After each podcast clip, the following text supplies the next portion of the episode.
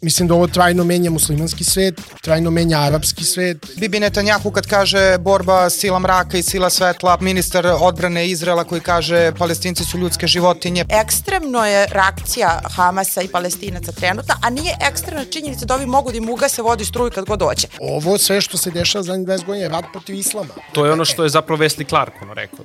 Da ići će se tačno i do onih sedam država i na kraju završit ćemo sa Iranom. To je bukvalno S tim što neće. Možda čak paradoksalno i odvratno, jedino mesto gde Evropska unija pokušava da se pita nešto i dalje, smo mi. Apsolutno, ponovo se pokušava sukob polumeseca i krsta, s tim što mislim da se ova Evropa i ova Amerika možda to krsta možda čak i odavno odrekla. Danas se Kosovo, nažalost, manje brani u Srbiji, više se zapravo brani u Palestini.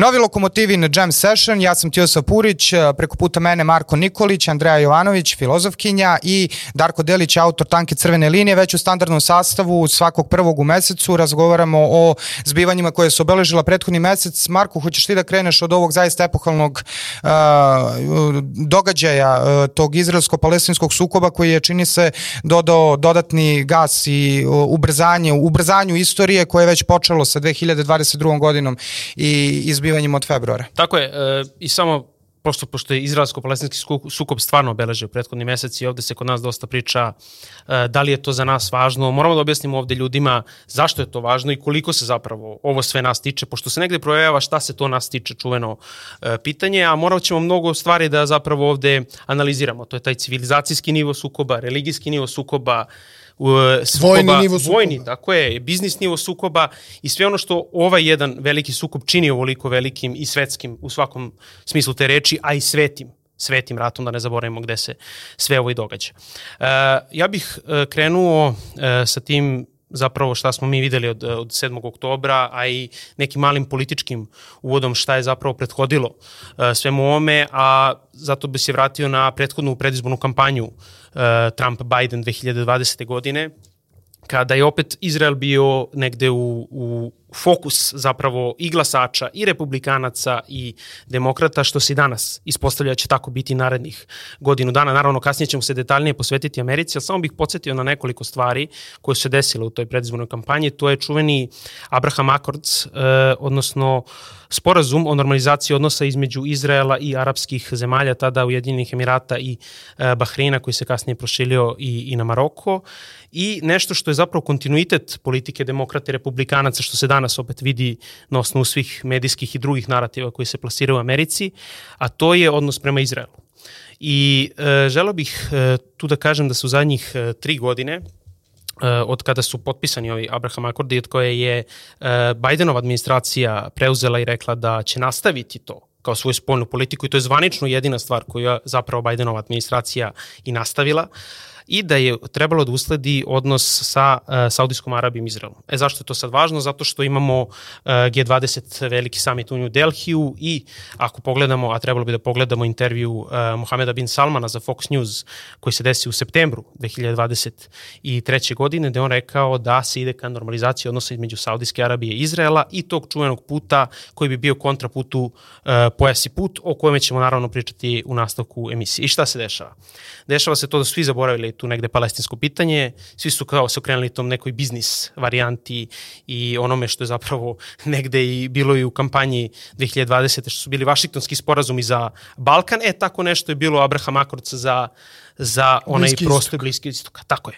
I sve se to negde ruši 7. oktobra. I ja bih sad prepustio uh, Tiosavu, pre svega Ajdarku, da objasne malo tu religijsku i ovu drugu eskatološku komponentu uh, sukoba. Naravno, onda ćemo se vratiti na ove uh, političke teme. Mislim u zajedničkoj jednoj komunikaciji da se usmeravamo, zato što je pitanje zaista jako slojevite stvari. A, a, I to je sad, je, to traje pre svega da imamo prvo tu remensku nit i to samo zadnjih nekoliko decenija, ta stvar tinja i bukti bukvalno na svaki 5-6 godina se dešavaju stvari. Ovo je naravno, ovo je treća intifada, ja verujem i odlučujuća i poslednja, ovaj, samom činjenicom da da po prvi put imamo ovolike koalicije sa obe strane. Znači, u pitanju je evidentna civilizacijska borba ja bih uh, podsjetio i podsjećaću i treba svi da se podsjećamo na ove stvari koje Dugin trenutno govori o ovom sukobu i on je to počeo još da priča ratom Rusije i Ukrajine. Ovaj sukob ne bi ovoliko dobio, ovaj ne bi bio ovoliko plamteći da sukob Rusije i Ukrajine, to je sukob Rusije i NATO-a na teritoriji Ukrajine, nije otvorio rata za ovo. A, ovo što si ti rekao je jedan deo aspekta bitan svakako. Ovim definitivno pada u vodu svaka ideja o tome da će i jednoj arapskoj državi, a to su mnogi entiteti, vrlo malo tu u Arapskoj ligi od tih a, zalivskih monarhija, to su entiteti ekonomski, mislim, ne, nema tu elemenata nekakve državnosti u punom smislu, da će ikada ikome biti dozvoljeno da normalizuje odnose. To je jako bitno, jer koliko god sada bila nefunkcionalna Arapska liga, i ovaj koliko god oni ne mogu da se dogovore između sebe zato što postoje različiti poslovni interesi i bezbednostni sa Izvelom ovaj koalicija koju predvodi to je jako bitno mislim za primetiti imati na umu da posto šiitski persijski Iran je prethodnica odbrane islama i e, Palestine kao njihovog centralnog duhovnog pitanja zapravo. Stecišta i ishodišta, očigledno. Ovaj, ovo trajno menja celu stvar. Mislim da ovo trajno menja muslimanski svet, trajno menja arapski svet, stvari posle ovoga definitivno neće biti iste i trajno menja i ovaj naš svet, ovamo, ajde kažemo evropski. Jer, mislim, mi po nekoj logici stvari nametnuto i nama tu pripadamo. Tako da, ovaj, e, imajući to u vidu, ljudi koji žele da razumeju kompleksnost ovoga bi zaista trebali da obraćaju pažnju na više dimenzionalnost, na više nivoa ovoga. A, mislim da je nikad bolje vreme počnemo da čitamo više. A, samim tim što evo ja čak kao neko koji je ovaj odrastao u ateističkom krugu i duhu ovaj, dolazi vreme konsultacije svetih knjiga. Dolaze zaista biblijska vremena i očigledno su tu. Nova godina kuca nam na vratima. I to je ono zašto nas se sve ovo tiče zapravo. To je da, to naravno, da naravno, ovde. naravno, naravno. Sad, ja bih tu prepustio da ne Da. bih previše Da. držao banku, prepustio bih Tilosavu da on kaže svoj deo, pa ćemo onda zajedno ko šta misli i kako se ko osjeća Naravno. povodom ovoga, ima svašta da se kaže, jer ovo je bukvalno na jedan taj mali deo sveta nabijena čitava moderna istorija civilizacije i imperializma. Tako da, a i iza. Da, i samo, samo još jedna stvar, e, zašto je bitno da se i toga dotaknemo, da pričamo o pojmovima, izrazima kao što su humanitarna katastrofa, e, kao što je pravo na samoodbranu čuveno i u odnosu sa Kosovom, šta je pravo na samoodbranu, to je isto ono što e, ovde vidimo evidentno da, da, da se spominje jako često u zapadnim medijima šta je pravo na samoodbranu i na kraju krajeva i tom terminu genocid. Ali to ćemo pričati u toku emisije.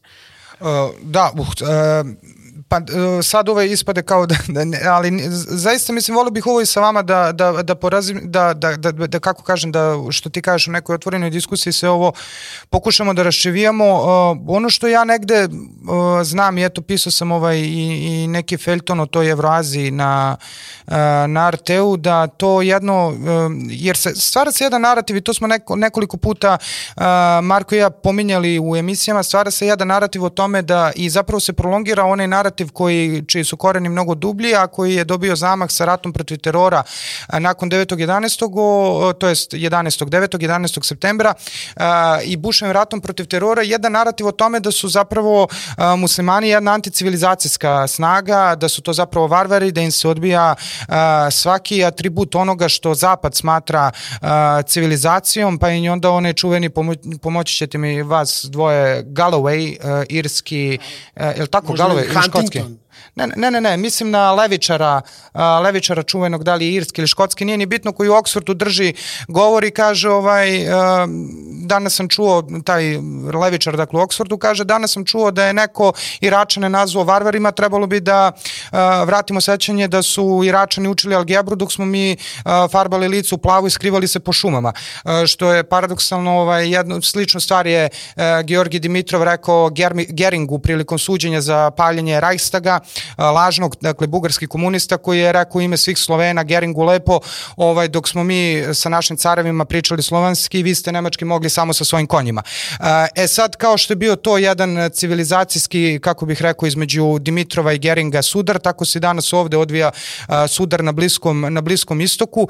A, Ja bih samo podsjetio da imajući u vidu da se stalno imputira muslimanima uh, da su neka ne anticivilizacijska snaga sa zapada, pa je zbog toga uh, i Biden sam posegnuo uh, u ovom obraćanju naciji za tom i ja ću to stalno da ponavljam jer mislim da je zaista dokaz vrhunski tog cinizma i mislim da odavno, pošto sad padaju maske, nismo imali tako neki podatni zgodni primer američkog cinizma i njihove propagande, onu čuvenu rečenicu o 40 obezglavljenih beba za koju se ispostavilo da je a, neistina. Mislim, samo to a, umetanje mentalne slike u glave ljudi a, je a, zapravo služi ili bi trebalo da služi kao samo, opravdanje. Kaže, mala samo dopuna. Danas je došla kod umetanja tih mentalnih slika poslednja stvar iz izvelše šampe danas jeste da je nađena beba koja je ispečena u Verni. To je nova priča u izraelskim medijima, to je danas. Znači, to su neke stvari koje ne znam ko može da zamisli. Izvini što sam ti... Ovaj... E pa ne, ne, tamo posla. To su upravo te, znači imamo, ovaj, možemo sada da nabrajamo uh, Bibi Netanjahu kad kaže borba sila mraka i sila svetla, pa Joav Galant, uh, to su ministar odbrane Izrela koji kaže palestinci su ljudske životinje, pa Izrael Kac koji kad je gasio dotok struje i vode kaže to uh, palestinci su nacija decubice i ne zaslužuju da imaju struju i vodu. Dakle, sve to je jedan narativ da, koji da, se gradi da bi bi legitimizovao šta? Da bi legitimizovao to kako je rekao The Cradle što što je bačena uh, količina eksploziva ekvivalentna uh, snazi uh, bombe bačene bačene na Hirošimu. A sa druge strane postoji jedna realna istorija uh, arapskog sveta. Možemo da se vratimo I pre svega islamskog. I, islamskog, islamskog, islamskog, sveta. islamskog sveta ovaj uh, uh, ali mislim to je vrlo e sad to to bi isto valjalo jer dok je uh, šija persijski islam uh, propaganda protiv njega on je zapravo negde slepa mrlja čini mi se u celoj toj priči na sličan način kao i pravoslavlje.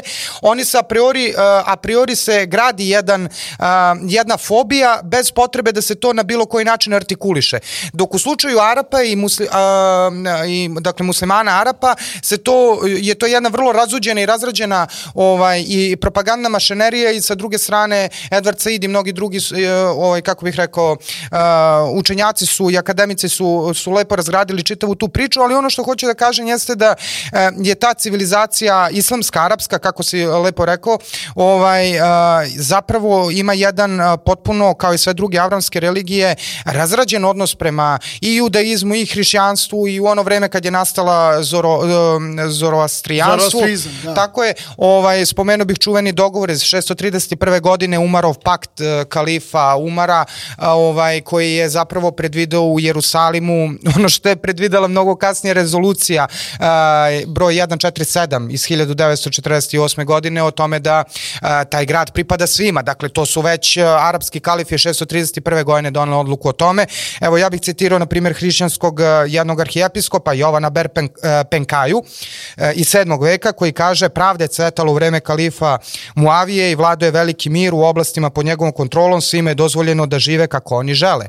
A, dakle, postoji, hoću samo da kažem da postoji ono što je negde iz, što je razumljivo iz našeg iskustva rata rata 90-ih postoji jedan a priori otpor i otklon od e, tog e, jednog bogatog nasleđa arapskog islamskog sveta i moramo vrlo da vodimo računa naročito kad ovaj na raspolaganju imamo i što ti kažeš i, i napisane knjige i nenapisane knjige ovaj jer ako ništa drugo mogu naši uh, mogu naši ovaj sunarodnici sa zapadnih strana od preko Drine da a, govore o svom iskustvu a, življenja pod katoličkom imperijom pa da uporedimo to sa našim životom pod osmanskom, pod osmanskom imperijom. Ovaj hoću da kažem da treba da imamo u vidu da je ta islamska civilizacija a, i muslimska civilizacija velika i da nikako ne smemo da nasedamo na one a, priče koje se sad čuju iz nekih a, proizraelskih tabora ovaj što je u neku ruku i potpuno legitimno jer se oni nalaze i naučeni su da se nalaze u egzistencijalnoj opasnosti non stop da ne nasedamo na onu priču o tome kako Arapi nisu državotvora narod. Naprotiv, oni su imali državu od Himalaja do Atlantika,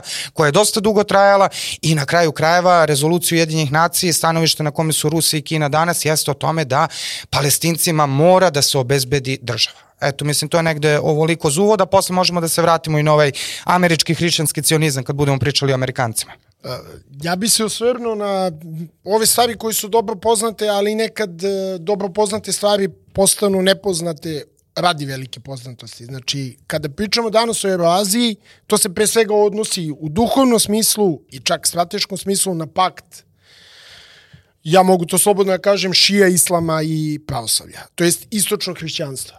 Znači, kada mi pričamo o globalnom istoku i na, znači, na ruskom vostoku, to jest orijentu, orijentaciji, mi pričamo o te dve religije.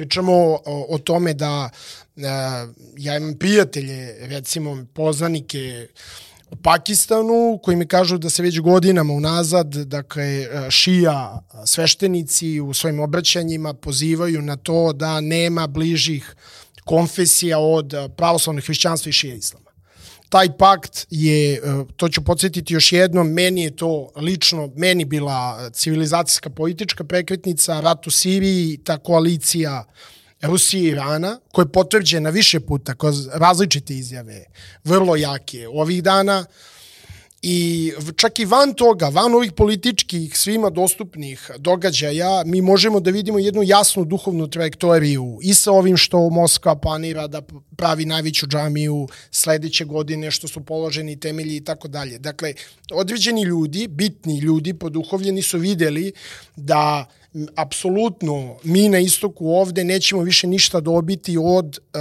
stvari koje su nam servirane svima sa zapada, da zapravo smo mi neki zavađeni narodi, zavađeni religije. To je jako bitno. I to ne mogu da naglasim ljudima koji nas gledaju i verujem da ljudi koji nas gledaju su zapravo svojevrsna avangarda naše nacije, žele da znaju, žele da uh, preume, kao što i mi želimo da preumimo određene stvari. To su bitne stvari da se kažu, bitne stvari da se čuju. Ovaj, ti signali koji dolaze odatle, koji se tiču tog evazijskog jedinstva bazirane i na tim stvarima, uh, a, jesu ono što hoće ili neće spasiti svet. Jer mi sad jasno možemo da vidimo šta je alternativa sa zapada. Alternativa je ovo što vidimo. Alternativa je ovo da su oni porušili 40 džamija, jednu crku srušili, jednu oštetili, a, dok, evo, u trajanju, dok mi snijamo ovu emisiju, oni prete da će srušiti tu jednu jed, jedinu preostalu bolnicu u, u Gazi, koja ima ne znam, 5-6 hiljada kreveta i da se krije 14 hiljada ljudi. I oni šalju upozorenja da se to evakuiše. Gde da se to evakuiše? I samo malo, uz tezu da je to sve pravo na samoodbranu. Naravno, to je... ne, naravno, njima je sve, apsolutno je sve njima pravo na samoodbranu što, što ovaj, se dešava. Tako da, a, a, stvar je jako tegobna, jako bolna, ali čini mi se baš zato je oslobađajuća, zato što nikad uključujući čak i drugi svetski rat, svetski antagonizmi, kulturni antagonizmi, civilizacijski antagonizmi nisu bili ovako jasni. Uh, da ljudi koji u ime kapitala e, u ime dominacije rasne. Ja bih samo podsjetio da dakle, cionizam moderni nema veze, to nije nikakva semitska ideologija, niti su oni ovi sada tamo ljudi koji su kolonizatori semitski narod. Moderni cionizam je čista uh, evropska uh, kolo, kolonizatorska ideologija na isti način na koji je bila settler ideologija naseljavanja novog sveta kada je nastajala Amerika i na isti način na koji je bio beli antisemitizam čak cele Evrope. Jer lako je sad Evropi da se poziva na neke tekojni ljudski prava kad su Rusi oslobađali te logore koje su oni pravili. Znači, e, Evropa je masovno podržala, to, to nije ništa sporno. Što kaže Šešilj, koliko se beše vaša vojska odupirala Hitleru? Šest dana. Hvala. Znači, e, e, e, jugoslovenski narod, ajde tako da kažemo, da ne ulazimo sad u ta, i e, ruski narod tamo pod Sovjetskim savezom su se zapravo aktivno odupirali sve vreme, dali nadljudske žrtve u borbi protiv toga, oslobodili te logore, I sad oni koji su oslobođeni iz tih logora žele da prave nove logore, verujući da imaju nekako istorijsko-civilizacijsko pravo na to. To je toliki absurd da apsolutno ne može da se reši drugačije, bojim se, a malo se i ne bojim, nego eskalacijom. Jer oni svesno traže eskalaciju, svesno rizikuju eskalaciju. Ovo što smo mi pričali, mislim, već danima zapravo, pripremajući ovu emisiju, šta oni planiraju da se dogodi više pomerajući te nosače aviona s jedne tačke sveta na drugu. Ajde, to ćemo uh, pričati, da. samo da damo reč uh, Andreji i za uh, ovo opet uh, Ujedinje nacije. e, koje je prošla rezolucija jedna, gde s opet tim glasanjem možemo da vidimo e, ko je zapravo na kojim pozicijama i to ono što si ti zapazila i zašto je to interesantno. Da, pa, ne, da, ko je na kojim pozicijama.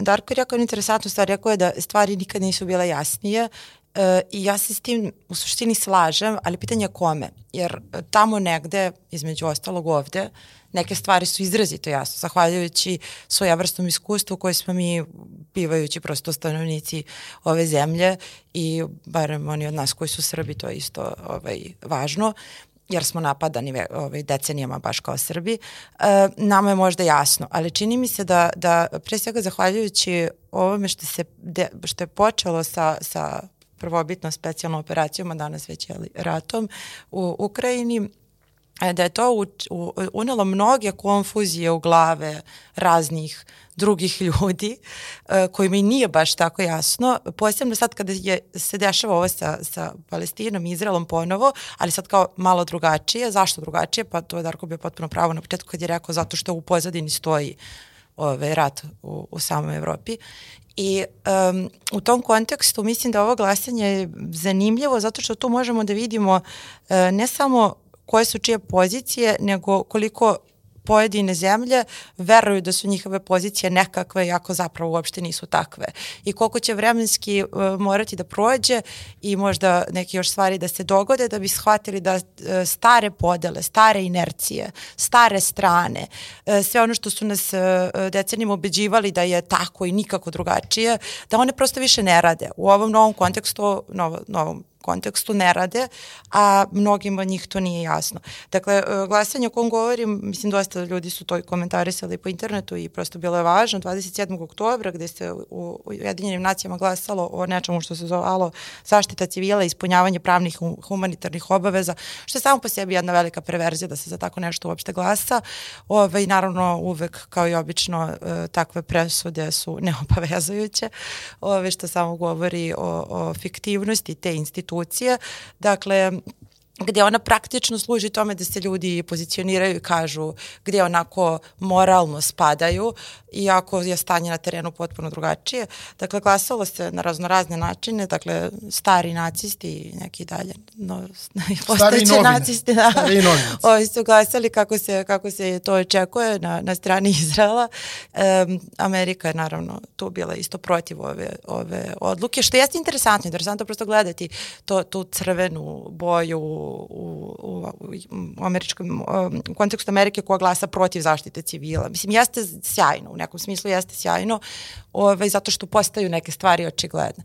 Ali e, s druge strane, dešava se da e, nekim prosto zemljama koje bi trebalo možda da isto budu crvene, su bile ili žute ili zelene, dakle ili su bile uzdržane po ovom pitanju ili su čak bile za jeli, zaštitu civila, e, iako same zapravo učestvuju već godinama i podržavaju na prosto konkretne načine, na, na materijalne načine, a ne na načine lepih želja, lepih duša, sve ovo što se, sve ovo što se dešava. I to je ta jedna svojevrsna konfuzija o kojoj bih tu voljela da govorim, zato što mi sada svedočimo i uh, protestima širom tog E, zapadnog sveta, e, gde zaista veliki broj ljudi izlazi na ulicu i po inerciji viče Free Free Palestine, jer su to prosto načini na koji se godinama to misli, jer negde lako je bilo ljudima da budu uz Palestinu. Mislim, najlakše da, biti na strani. Da, dok su bili goloruki, to, Tako je, je. to je centralna stvar. Dok je taj protest bio ovo signaliziranje vrline, vrline, vrline tačno. E sada kada, na, kad su se oni digli na oružje, kada, nažalost, ginu konkretni ljudi,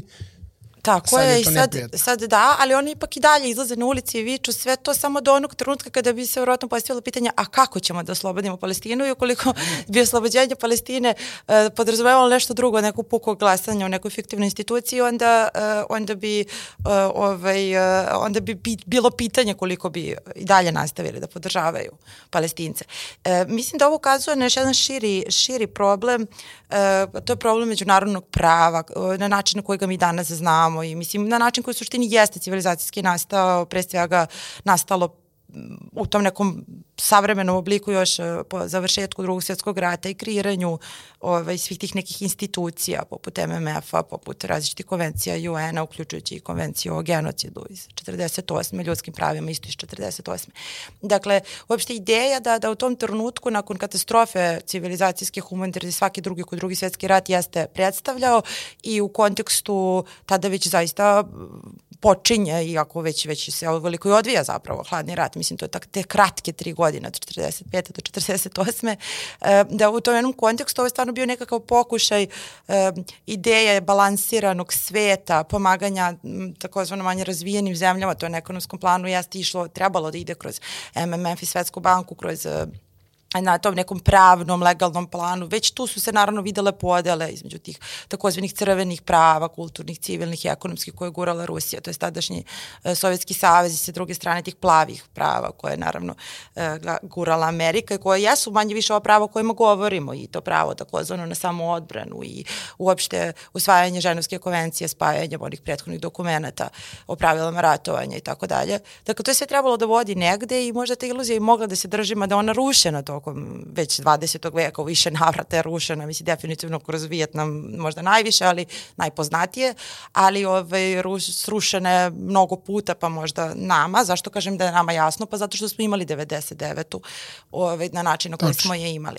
E sad tu onda do, dolazi do, do, čini mi se toga da e, pored neobavezujućih odluka i uopšte ideje da bi sad pokazuje svetu neko lice koji nije baš e, do kraja ispravno, eto, na primjer, Francuska i Belgija su moralno glasale po pitanju ove rezolucije, za razliku od odretne e, Hrvatske ili grozne Austro-Ugrske, zapravo i Austrije i Mađarske, koje su ostale e, crvene, jer kao one, ne, oni su zapravo mnogo više u saglasju sa onim šta su, gde leže njihovi interesi i ko su njihovi saradnici, dok je ovo neka pozicija lepih duša imaginarnih, jer uh, ja bih tu postavila ključno pitanje, ok, glasali ste kako ste glasali. Ja ne znam da ste vi čuli, ali mene zanima kada je, kada će Francuska da uvede sankcije Izraelu, da li će da, ovaj, e, da li kada će da se pridruže ostale zelene moralne ovaj, države, na koji način će biti kažnjena, e, vole da govore o najskupljoj e, nesrpskoj reči u Srbiji, o genocidu mnogo, ovaj, pa evo sad ćemo samo neke podatke, jer prosto interesantno, interesantno kako se pravi narativ po taj nekropolitički, da je do sad e, civila za ove gotovo tri godine događanja u Ukrajini ubijeno nešto manje od 10.000, a u ove manje od tri nedelje već 10.000 u Gazi.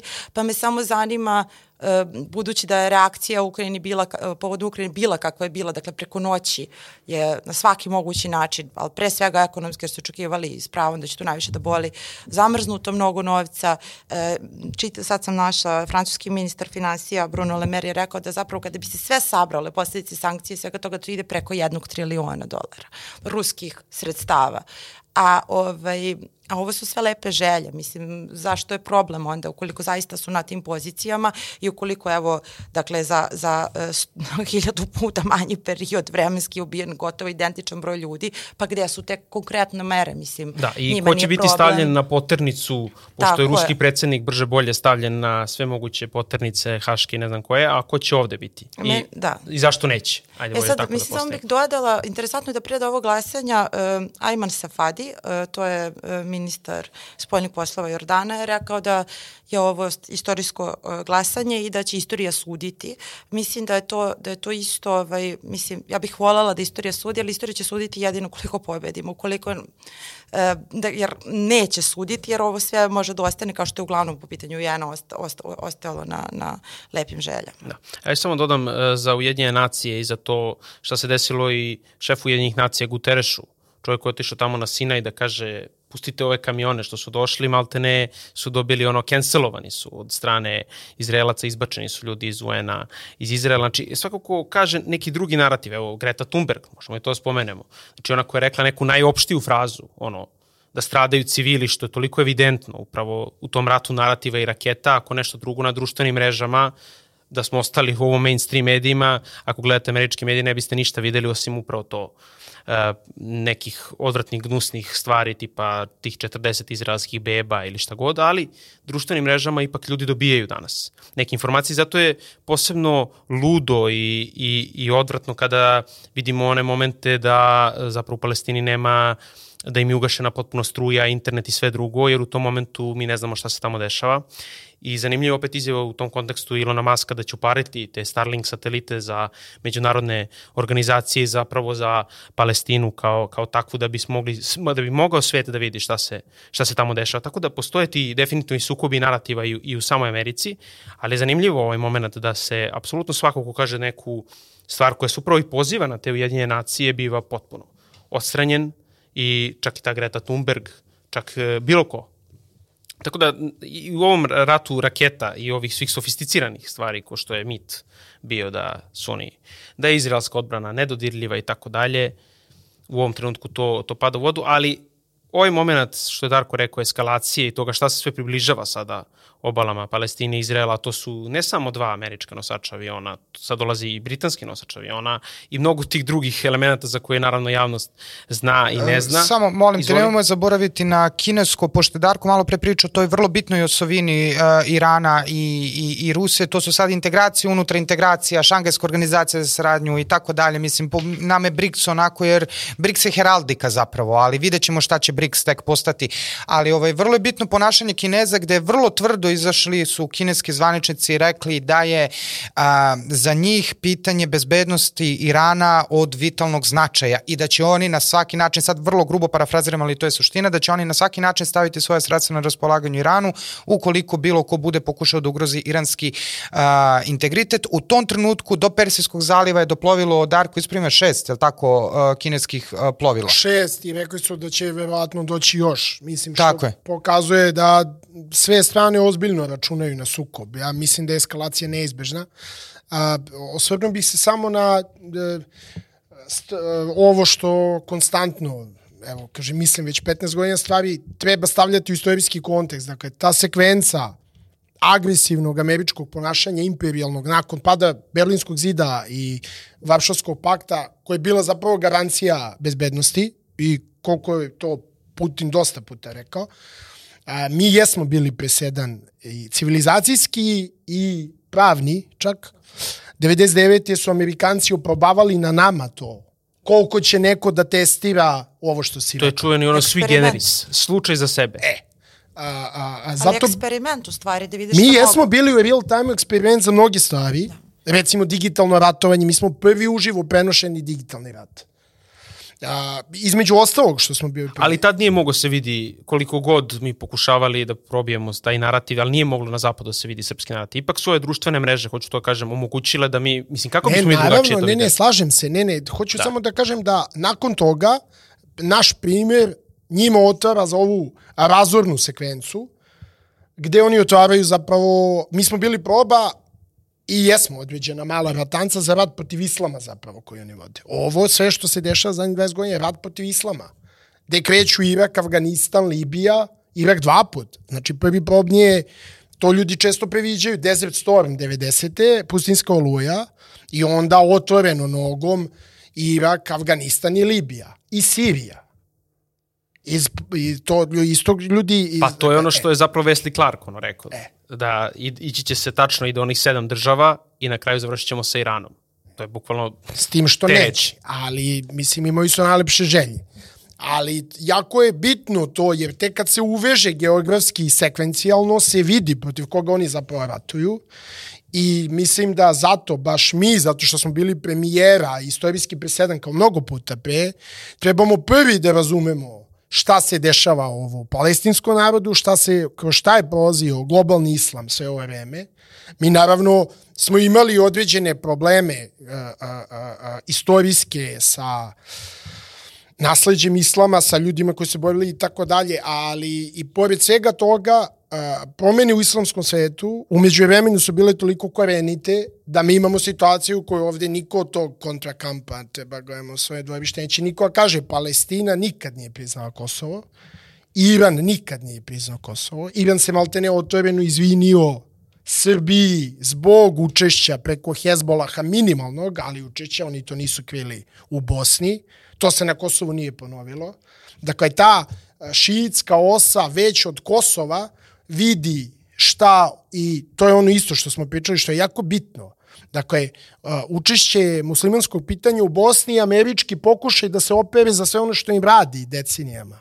Bosna je jedina američka i ovo isto što smo pričali, dakle naša odnos prema bošnjacima, njihova uloga šizofrena u svemu ovome, da sa jedne strane Evropa i Evropska unija, a onda se pali zastava i onda sloboda Palestini, a Srbi, vama je ovo sve Kosovo osveta zato što ste ne radili, dakle, bez tog Kosova i presedana na Kosovu i onog što se radi na Kosovu ne bi bio presedan u Palestini mi preživljavamo, to je valjda potpuno jasno, meni ova, samo ovo mi je jako bitno da kažem, dakle kada se ide ta rečenica, trebamo da imamo Kosovo na umu, pa koji je drugi moj motiv, meni to nije jasno, koji je drugi moj motiv za moje, dakle, savezništvo, solidarnost sa Palestinom, ako nije Golgota srpskog naroda i srpske crkve na Kosovo. I ta Golgota je prepisana sa hrišćanskom, dakle, crkvom, pravoslavnom crkvom sada u, u Palestini, gde evo sinoć, gde su ljudi masovno krstili deset beba da ne bi poginuli nekršteni. I Jovan X isto o tome Antio, da, tako je, Antiohijski patrijarh i, i ovaj Jerusalimski Teofil III koji već mesecima, mislim, unazad sad je naravno ovo sve pokrilo priču o otvorenim napadima jevrejskih fundamentalista i ekstremista na što se zaboravlja da i to postoji. Iako bih volao da čisto naglasim u emisiji da i da bude, da bude negde jasno ljudima, mislim, uh, vratit ćemo se posle nacionizam i zapravo hrišćanski cionizam koji je u izvesnoj meri i zapravo je to ideologija ovog ovog saveza izraelskih i američkih elita koji ima svoje utemeljenje i, i, i tako dalje u tom evropskom belom kolonijalizmu o kom, si, a, o kom se ti pričao, ali ono što hoću da kažem jeste čisto ne bude ovde da naklapamo a, ovaj, a ne naklapamo nego pošto je dosta pipava tema a, Steve Cole, Ratovi duhova a, to su to je zapravo priča o tome kako je to, to, taj, to, taj autor je dobio Pulitzerovu nagradu za tu knjigu, dakle Steve Cole, Ratovi duhova. To je priča o tome kako je CIA Srbija ekstremizovala muslimane i na koji način ih je instrumentalizovala. Ruku na srce ovde moramo da bude, znači od Afganistana i cela ona priča kako su im bili potrebni za sukob uh, sa, uh, sa Sovjetskim savezom. Tako je, sa Sovjetskim savezom. I onda ide dalje. I onda ide dalje i ruku na srce, ono što je rekao Avner Cohen, što smo već pomenjali u emisiji, ovaj 2009. godine za Wall Street Journal, uh, dakle izraelski visoki zvaničnik koji je rekao Hamas je naše dete, znači. E sad negde su se tu stvari umeđu vremenu promenile. I to jako. To je I to ona, jako. da, to je ona sila narodne teže, jer možeš ti koliko god hoćeš da budeš bilo čiji igrač, ali kad ti živiš u rezervatu, slash koncentracionalnom logoru, slash bilo, bilo čemu i da ne budeš solidaran sa patnjama svog naroda, e to je ono što se sad desilo. Mi s ove strane, kad, kad već pričamo i kad smo već spomenuli tu magičnu reč Hamas koju čujemo svi, mislim sa jedne strane se priča da je to teroristička organizacija, s druge strane ja ne znam da li bi se uh, ruske zvaničici sastajali pa sa terorističkom to, organizacijom. Da li bi se svi složili to šta su ti ovaj, termini teroristička organizacija, pa, humanitarna da, katastrofa. Mislim, to šta, e, pa znači, to. šta znači terorizam, šta znači partizan, šta znači gerila. Ne, zato što je jako šta... važno za odnosu naš na Kosovu, jer uh, Analena Berbok i mnogi drugi evropski zvaničnici sve češće spominju srpska teroristička organizacija sa Kosova. Tako je. Tako, tako da je jako važno da taj termin ne prihvatimo. Oni su ga sami, oni su ga sami tu prvi ovaj sa onom igrom o OVK gde je OVK bila prvo jedna stvar pa druga stvar mislim imamo vrlo neposredno uh, na našem primjeru. Samo sam htio eto da kažem da je već u, u, i u američkoj dakle u, uh, na zapadu i u njihovoj akademiji su izučeni načini, modaliteti kako je CIA tokom 20. veka koristila razne načine ekstremizama za potrebe borbe za potrebe borbe protiv Sovjetskog saveza. To mi je bila kratka Ako poenta. mogu, da, i to jeste jako bitna poenta. Kad već pričamo o toj masovnoj regrupaciji snaga i posto duhovnoj obnovi islama koju je poveo Iran, ovaj, sam palestinski nacionalni pokret je prošao sulude promene. Dakle, mi, e, kada pričamo konkretno o Palestini, to su dva odvojene entiteta. Gaza je, dakle, kao što svi mogu da vide na mapi, jedan mikro pojas zaista geografski od možda 40 km dužine koji je odvojen od one glavnice na zapadnoj obali. Na zapadnoj obali a, Mahmud Abbas koji je otvoreni agent Izvela, pošto kaže potpuno korumpiran čovek, a, koji predstavlja nešto što se zove, kako se zove to telo, to je neko palestinsko političko koordinacijono telo, u kome vodi ta partija Fatah, koja zapravo da se nju pita ne bi mogla niti htela ništa da uradi. Dakle, Da, ali bitno je reći sad šta se dešava i u zapadnoj obali i tamo ne miruju stvari. Ne, naravno, ali ne miruju zato što su aktivirane ćelije frakcije iz Gaze. Dakle, to su... Uh, I zato što sam, koliko sam video, i tamo bombardovani izbeglički kampovi. Jesu, Prvi to je put već od intifade. Da, to je već, da, bilo pre 8 dana, prvi put i sinoć. Da, da, da, da. E, ali a, a, stvari u ovoj koaliciji iz Gaze, koja je jako bitna i jako interesantna, gde su Hamas, islamski džihad i pokret za oslobođenje Palestine koji su marksisti, koji su ljudi sekularni pokret revolucionarni sekularni pokret koji je stavljen u nešto što se zove, napravili su dakle zajednički generalštab, kome je sedište u Libanu pod Hezbolahom. Dakle, to je već toliko, svako ko je se i ole interesovao za bliskoistočno pitanje, islamsko pitanje, može da vidi koliko je već to jedna kompleksna tvorevina samom činjenicom da su Hezbolah i Hamas ratovali. Da je činjenica, to jeste činjenica, deo Hamasa, pošto to jeste bila produžena ruka, dakle, a, a, ideološko jezgro su bili muslimanski, naravno, kao i za svakog muslimanska braća u Egiptu, ali su bile produžene ruke Saudijske Arabije i Turske. I sada su ti odnosi jaki, pre svega turski. Zato je Turska u jako specifičnom položaju ovde, ali je Hamas morao da se prikloni. Sad na koji način, to je priča već za neku drugu priču, ali su oni, dakle, pod patronatom jedne šiitske partije u Libanu, koja ima svoju vojsku, koja je jako kompleksan organizam, moderni fenomen Hezbolah. Tako da, ako su oni mogli da pođu tu transformaciju, jako je bitno ovo napomenuti, to je bitno i za njih bilo, da kada, kad je bilo ono jutro invazije na kolonije, a, oni su ostavljali grafite Brigada Al-Kasim ne ubija decu, prvi put. I bili su ona svedočanstva ljudi koji su pušteni iz uh, zatočeništva, da su bili a, tretirani fair, da i tako dalje. Dakle, E da, po to- prvi to- put to je- je to Hamasu bilo bitno i evo sada opet idu pregovori za puštanje ovih ljudi koji imaju i rusko državljanstvo. Po prvi put je Hamasu bilo bitno da sebi i drugima pokaže da ovaj put ratuje finalno, ali i odgovorno samim tim, jer to je nerazvojivo. Da više prosto nema mesta nikakvim terorističkim metodama. To je jako bitno. I da nije tako, oni ne bi u Rusiji bili dočekani zvanično sa Lavrovom i ne znam ko je bio drugi ovaj, koji ih je dočekao, tako da a, promena je ogromna i promena je suštinska. I otuda problemi. Znači, da to nije bilo tako, ne bi onda bila ova masovna kampanja na zapadu koja, a, i s tim bih završio ovo koje mi je najbizarnije možda nešto, da je Hamas islamska država, a islamska država je aktivno finansirao i obučavao Mossad da se bori protiv dakle, sirijskog režima. E, onda dolazimo u vrhunac ludjela, koje je meni jako teško. A to više da, nije uopšte Da, bitno ne šta je tačno. molim, samo, samo ovo da kažem, znači neka googlaju ljudi koliko je puta za ovih 10 godina Izrael digao avione na Siriju, a koliko puta na islamsku državu. Znači, samo to neka vidi. Eto, to je A da vrlo... ne kažemo Amerika znači, imaš- šta je radila sa islamskom državom i koliko... Ne, ne, naravno. sve to, ali ovde, jer ovo mi isto dosta bitno da kažemo, znači u sve naše veće ili manje u zavisnosti od toga ko je koliko upoznat i ko koliko se bavi time, ali ja mislim da je nesporno kod toga da sad i pričamo da mi kao Srbi imamo simpatije prema jevrijskom narodu i to znači ne treba dovoditi u pitanje. I a, meni je ono užasno kada se spomene da je, a, da je svaka reč protiv Izraela antisemitizam. Znači tu se ruši onaj, kako se beše zove, je to neki Godvinov zakon ili kako već koji postoji na internetu, a, čim neko na, na, u nekoj internet debati potegne Hitlera, znači svi argumenti padaju u vodu. Naravno. Izrael se sad tako ponaša, oni non stop pričaju, kažu, nisu, ovi, lju, ovo su ljudi, ubijeni su ljudi koji su preživjeli ka- holokaust. Ne znam da li jesu, da li nisu, ali kada se vadi argument holokausta, to je jedna uh, uh, potpuna, što ti kažeš, antipolitička mašina. Znači, tu onda više nema nikakve priče. Pa čekajte, možemo da razgovaramo o tome da su ovi, ovi da, da se Gaza pretvara u staklo. Znači, tu imaju desetine naleta borbenih aviona dnevno, bombardovanja, potpuno nehumanih uz... Znači, i tu opet sa druge strane treba imati, to je znači sad jedna potpuna, uh, potpuno demaskiranje i to je ono što je, uh, što je uh, um, dobro u celoj ovoj priči, zbog toga što više nema apsolutno nikakvih iluzija o tome što svi pričali šta je zapad. Ono što moram takođe da kažem, da se nadovežem na Andrejnu malo pre priču, ja mislim čak bih otišao i korak dalje. Ujedinjene nacije, jer setimo se nisu samo Ujedinjene nacije, imamo, to, sve se slažem što si ti rekla, ali samo hoću da podsjetim ljude, znači pre Ujedinjenih nacija bilo društvo naroda.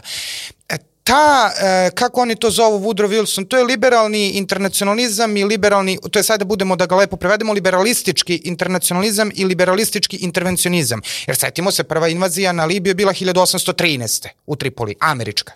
Znači, taj liberalistički internacionalizam inter, interna, i liberalistički intervencionizam potpuno padaju dva puta u vodu. E, jednostavno je to jedna potpuno um, pervertirana vizija nekih američkih elita koje su s jedne strane kapitalisti i bankari, s druge strane su veliki hrišćani na njihov specifičan način koji veruju da oni treba da iskupe ceo svet i da svi živimo u, štrumf, u, u ovim selima štrumfova i u Disneylandima i da ćemo se svi tu negde, a zapravo ti, to je naravno fasada, a ispod toga ti prodaju ovo što je trenutno što se dešava u Gazi. I to po celom svetu, i ceo svet je posejan uh, scenama svega svega, svih tih horora koji se sada pred našim očima dešavaju u Gazi kroz čitav 20. vek. Tako da mi se moramo samo, i u tom smislu je lepo što se sve ovo dešava sa UN-om, jer zapravo to pokazuje koliko je, koliko je paradoksalno na bilo koji način verovati u to da može uh, bilo kakva, uh, bilo kakva održav, održiva humana priča da se pravi ukoliko jednostavno nema recipročnog, to jest nema simetričnog odgovora sa druge strane. Drugim rečima vraćam se na ovo što ste pomenuli za Palestince, Free Palestine. Jeste sve to lepo, ali moramo da vidimo kako da oslobodimo tu Palestinu. I UN će raditi tek onda kada bude postojao kontratek kao što je bio SSSR. Samo bih e, rekla još, e, mislim, to je vrlo fascinantno kad god, a redko se to nažalost dešava, ali kad god se konačno desi da, da prosto potlačeni narodi ili države, kako god hoćete, e, pokušaju da odgovore na svoje stanje u kojem su, koji, u kojih imperialističke sile drže, to onda isto, o, tad se potežu priče o ekstremizmu, tad se potežu priče o fundamentalizmu, tad se potežu priče šta je bila treća stvar koju ste iskoristili, nisi stigla da zapišem. Treća tajna stvar. treća tajna Treća stvar. tajna. Ove, ali u tom trenutku dolazi do tih izama. Pravo na samoodbranu, Marko je pominjao isto. Da, ali to pada u, to da, to, je, to, je, to su ti relativisti, relativizmi tog međunarodnog prava. Ali ovo je sad, ovo je, ovo je deo tog kulturnog, ideološkog e, borbe za hegemoniju, borbe narativa oko interpretacije nečega što se dešava. I um, bojim se da kao s jedne strane naravno e, pokušava se da se pokaže e, da realna slika nije takva na isti način ovo što je Darko govorio o tome kako se Hamas trenutno ponaša, šta čini da jeli, bi se ogradio od takvih optužbi. Ali ponekad ja bih otišla korak dalje i rekla u E, ekstremnim okolnostima, odgovor mora biti ekstreman. Dakle, mnogo mi je strašno zato što se uvek reakcija, da kažem nešto se desi i onda mi odmah, mislim mi kogod, se stavljamo u nekakav mehur, odmah dekontekstualizujemo sve i svi se bavimo time kako u nekom idealnom svetu treba da, da. se sudi u nekoj idealnoj situaciji. Ljudi ginu, to je loše, stvarno. E, ne znam, gome, si, se zapada se u nekakav moralizam, zapada se u to, mislim, meni je to potpuno bizarno, dakle, ekstremno je reakcija Hamasa i palestinaca trenutna, a nije ekstremna činjenica da ovi mogu da im ugase vodu i struju kad god hoće. I to tako već XY god. To nije ekstremno. To sam samo hteo Mislim, da zato je bitno ovo što sam rekao, stavljati stvari u istorijski kontekst i kad, sa, kad je počela emisija, kad si rekao zato je bitno stvari ove gledati kao nešto što kreće 48. kao aktivan, oružani svaki drugi pogrom arapskog stanovništva na njihovom, prosto na, evo, ognjištima, od trovanja maslinjaka, od betoniranja bunara, od trovanja zemlje, od trovanja svega i to je nekako išlo pa stane. Pa je onda bio, dakle, sukup 48. pa je bio ovaj rat od 7 dana, dakle, to tinja svako koji... 67. pa 73. pa da. 73. Pa je onda bilo, su onda krenule intifade, pa su onda tu krenuli, dakle, ta arapska proleća gde su buknuli zapravo ratovi u Siriji i Iraku to su neke stvari koje zapravo Irak je krenuo ranije, ali se onda dobio, to su mislim toliko kompleksni procesi, ljudi bi stvarno trebali prosto da, da prestanu, evo, da, iako je to nešto što svi znamo, ali opet zapadamo, većina ljudi zapada, trebali bi da prestanemo da verujemo zapadnim izvorima i zapadnim medijskim agencijama, trebali bi da čitamo, dakle, na svoju inicijativu uključimo svoj analitički aparat, da čitamo istočne autore, Na kraju krajeva, evo, možda je nekom, ja razumem, možda je nekom sad previše da čita, ne znam, islamski atom, čitajte Dugina. Uzmite onda samo, evo, molim vas, čitajte Dugina, slušajte šta govori Moskovska patrijaršija. Sve će biti u redu i svedit ćemo stvar.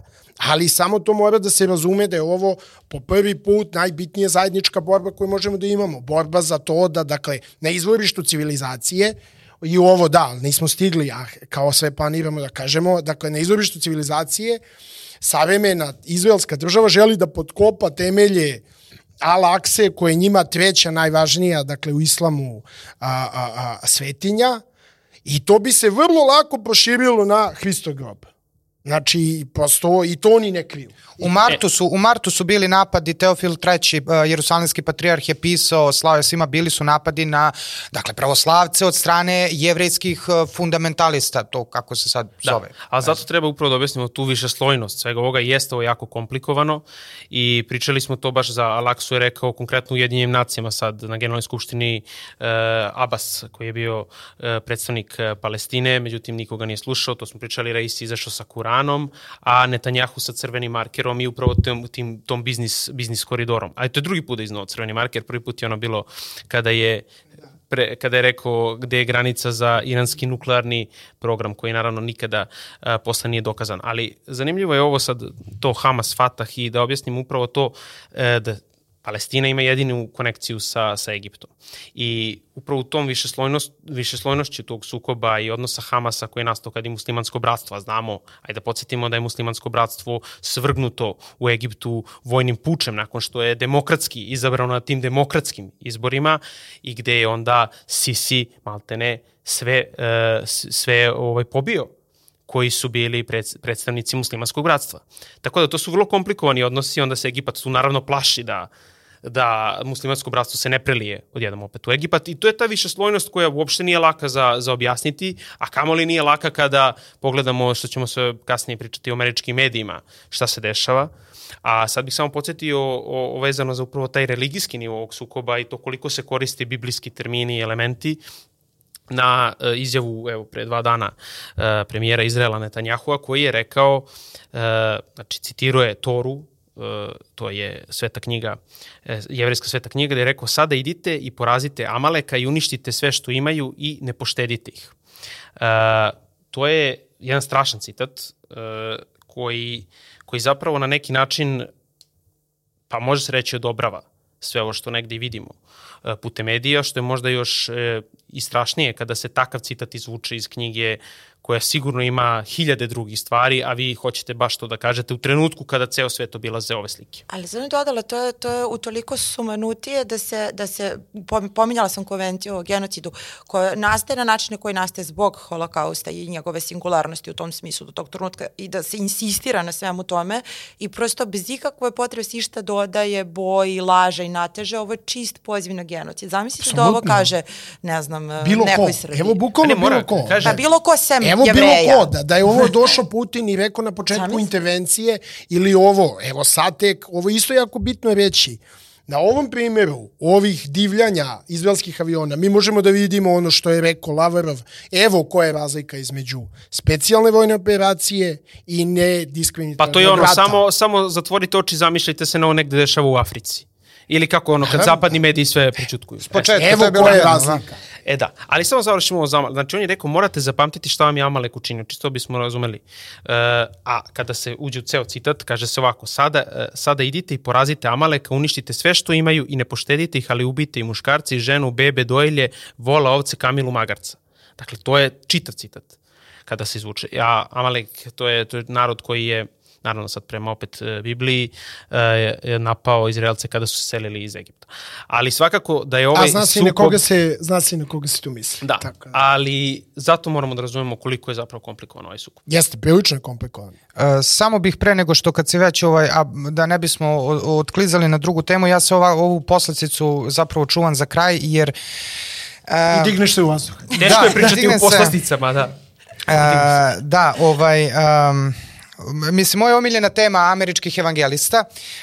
Um, zapravo postoji ta jedna vrlo specifična veza, relacija između Amerike i Izrela. E, to si samo iz knjige ove... E, da, navešću, navešću knjigu, znači e, čisto da ne bude da, bi, da ovo ispadne neka teorija zavere ili bilo šta, Steven Spector objavio Oxford 2008. Knjiga se zove Evangelisti Izrael, priča o američko-hrišćanskom cionizmu. Znači svako ko želi da gleda, nije nikakva teorija zavere, protokoli sionskih mudraca i tako dalje. 1903. godine je u New York Timesu prvi put skovan termin hrišćanski cionizam. Uh, on ima i dublje korene. Ovo što je Darko pričao o belom setlovanju, to je belom naseljavanju Amerike, još su ti prvi u 17. veku i 18. ljudi koji su kolonizovali Ameriku, nazivali Ameriku novim, novim Izraelom, gradom na brdu i tako dalje, to je sve manje više poznato. Prvi put u početkom 19. veka, e, početkom 19. veka predsednik John Adams 1819. godine američki predsednik kaže naoružat ćemo 100.000 Izraelaca i vratit ćemo ih u Palestinu. 1844. godine George Bush, pra, pra, pra, pra deda Georgea, ove dvojice predsednika Busha, profesor inače jevrijskog na Njujorškom univerzitetu, je artikulisao taj hrišćanski cionizam kao stav hrišćana koji ne dovode ni na koji način u pitanje prava jevreja da se vratu u Palestinu. Međutim, tu postoji nekoliko kod začkoljica. Ne može da se bude hrišćanski cionista, kako to sad da se radi, kako da se pristupi tome, jer to je jedna vera, ovo je druga vera, tu sad se ulazi u neku jeres i tako dalje. E, međutim, cela ta priča o hrišćanskom cionizmu, kako se i Biden deklarisao u kamere, on je rekao ja sam cionista, a znamo da je katolik, ovaj, sad to što je katolik je manje, bitno je da je hrišćanin, dakle kako je on to hrišćanski cionista, pa zapravo tu se vraćamo na onu priču o američkoj evangelističkoj uh, kulturi, koja evangelistička vera koje, to je protestantska vera, uh, ali ta njihova taj njihov specifični rukavac evangelizma se zasniva zapravo na protestantizmu. Luther je rekao dva su temeljna načela protestantizma, uh, sola skriptura, sola fides, dakle samo mi je vera bitna i moj odnos sa Bogom i sola skriptura vraćamo se na Bibliju E onda kad su oni otišli u Ameriku, dakle ti protestanti formirali svoje evangelističke te prve zajednice, oni su usvojili tri zapravo ta neka načela evangelizma. Prvo je to da svaki hrišćanin da bi postao pravi hrišćanin mora ponovo da se rodi i to je na osnovu evanđelja po Jovanu, treća glava, psalm treći, zaista, zaista vam kažem, ako se ko nanovo ne rodi, ne može vidjeti carstva Božjeg. E sad je to taj protestantski, to je evangelistički nominalizam, to, to bukvalno tretira, to bukvalno prihvatanje bez bilo kakvog tumačenja, dodatnog i zanemarivanje predačke tradicije i, preda, i svetotačke tradicije koje imaju katolici i protestanti. Dakle, to načelo ponovnog rođenja kod evangelista znači ja ću sada pomognem Darku da se nešto on sad spasi ako ima neki problem i to onda ću ja sebe da uh, dokažem kao hrišćanina. Uh, drugi, uh, drugi postulat evangelizma je vrhovni autoritet Biblije i treći je uh, deljenje, deljenje to je širenje vere, to je, to je ona priča čuvena American way of life. Znači American American way of life je zapravo ima te evangelističke korene i svako treba svojim životom da pokaže ljudima oko sebe na koji način se zavređuje ulazak u carstvo Božje. Da, to je e, ono sad, što zovu vera primjerom. Tako je, vera, da, vera primerom, primerom, tako je, tako je.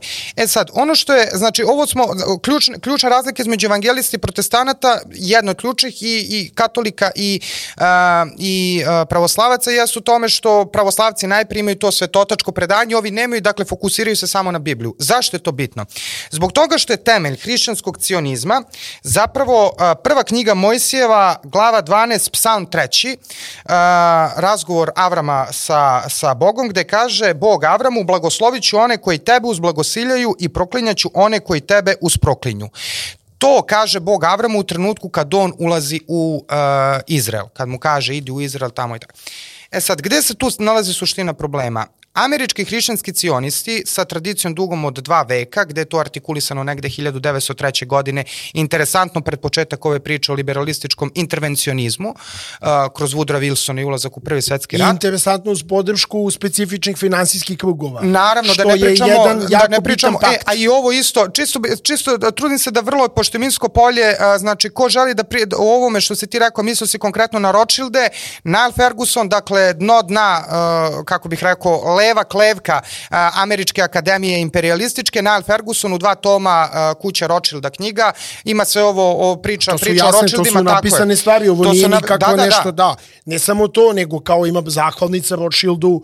Ima, koju- ima, ono, ima i, nema, da, nema da, da, greške da. tu. Ima i, e, i Teodor, e, Teodor Herzl kad mu šalje pismo o porodici e, Rothschilda i tako Nego dalje. nastavi da- ovo, ovo za Arama je jako, da, da. e sad, e, dakle, da se vratimo, znači, blagosiljeć one koji tebe uz blagosiljaju i prokleću one koji tebe uz proklinju, kaže Bog Avramu, e, i zapravo kroz tu neku e, TV evangelista, evangelisti i tako dalje, kroz čitav 20. vek je ovaj psalm razrađivan uz neke psalme o, proroka Joila i tako dalje, e, gde zapravo e, cela ta, Amerikanci ovaj psalm, inter, psalm interpretiraju na način da ako oni pomognu Izraelu, onda će Bog njih blagosiljati. Suprotno, ako im ne pomognu, onda će Bog njih prokleti. I zapravo se u, tu, zapravo se u tom psalmu nalazi ta, taj, taj, to je zapravo ideo, versko, religijsko opravdanje ovog saveza a, koji postoji, saveza hrišćanskog cionizma, koji u svojoj suštini je zapravo a, ideologija tog, kako bismo mogli da nazovemo to, a, bankarsko, duboko državnog, a, vojno-industrijskog lobija koji zapravo tretira Izrael kao američki nosač aviona. Međutim, hrišćanskim cionistima je dozvoljeno, oni su pripušteni u javnost, u mainstream, tek nakon 1967. godine u trenutku kada su mogli zapravo da ideološki opravdaju američko prisustvo na Bliskom istoku i dodaju mu tu dodatnu eshatološku snagu i evo oni, oni su i dan danas prisutni u američkom, uh, u američkom mainstreamu interesantno je kako su Kamala Harris, Aleksandro Ocasio-Cortez, svi ovi levičari su ustupili mesto sa svim tim svojim uh, ljudskopravaškim parolama pod čijom su krinkom podržavali Palestinu, jednostavno su se sklonili, uh, sklonili iz javnosti i ustupili su mesto uh, ovim tvrdim američkim imperialistima koji sad svi odjednom priče kao ti hrišćanski cionisti, gde mi imamo situaciju da u jednom danu Hillary Clinton i Donald Trump pričaju na isti način na koji je, na primjer, pričao Josiah Strong ili Fiske, koji je bio jedan od hrišćanskih cionista koji je rekao američki zabran će biti od pola do pola od severnog do južnog kraja 19. veka, jer je Amerika novi Izrael. Ali Amerika nije novi Izrael, oni su toga svesni i oni su zapravo smatrali da će ovim postići, postići neki vid iskupljenja u sklopu te. To je dosta nama teško da shvatimo, jer opet kažem, mi smo, mislim prvo, uh, sama ta institucija izabranog naroda. Uh, dakle, mi imamo, mi imamo taj, uh, postoji izabrana zemlja, pa je onda to je bilo u starom zavetu, pa je došao novi zavet, sa izabrane zemlje se priča prenela na crkvu, je tako? I sad imamo tu dalje razrađivanje te teologije, možemo da pričamo o tome, ne moramo, ali generalno da, da ovo u nekom ludilu postoji u pravoslavlju, to bi bilo tretirano kao etnofiletizam. Ovde uopšte Naravno. nemamo u, u, u protestantizmu to naprotiv, daje se status, daje se status ovaj, a, povlašćenog, na ime koga mogu da se rade sve ove strahote koje se činu u pojasu gaze. A, zato što je taj, dakle, taj pakt versko-civilizacijsko-finansijski između, dakle, belih protestanata, ono što se u Americi zove white anglo-saxon protestant, i cionista zapravo kod zapadne civilizacije, ono što se u američkoj e, sociologiji zove judeo-hrišćanska civilizacija. Tako. I ono što bi podhitno zapravo istočno pravoslavlje hitno trebalo da gleda da saseče. Nama se ta priča potreba preko ekumenizma ekumenizam ili ti NATO pravoslavlje, dakle pokušaj da nas vrate za, iz nečega iz čega smo izašli, to dogovorno, nije bilo nikakvog rata i tako dalje, prosto su se razvojile doktrine, razvojile su se civilizacije. E onda imaš ovaj pokušaj, zato što i tu onda sad vidiš koliko, iako, dakle, taj uh, judeo-hrišćanski uh, moment koji je oličen u NATO paktu i pravo na intervenciju, jer oni sebi daju sa tog aspekta pravo. Mi imamo pravo da intervenišemo zato što mi imamo ekskluzivnu informaciju s one strane od ozgo šta je dobro za civilizaciju. I spašavamo s tim. Naravno. I ko je životinja i ko nije. I ko je ekstremista i ko nije. I ko je crkva teroristička organizacija koja nije. I samim tim za nas, dakle, kao jedan bitan pravoslavni narod i kome je a, a, pravoslavna doktrina ako ne i najvažnija prosto ideološka kičma opstanka i ostanka na ovoj zemlji, prosto bi trebalo razobličiti i otkriti svaki nivo govora koji pokušava da nas vrati unutar imperijalnog ogrtača gde smo mi navodno neka odbrana neke bele Europe koja hiljadu godina gleda da nas satre.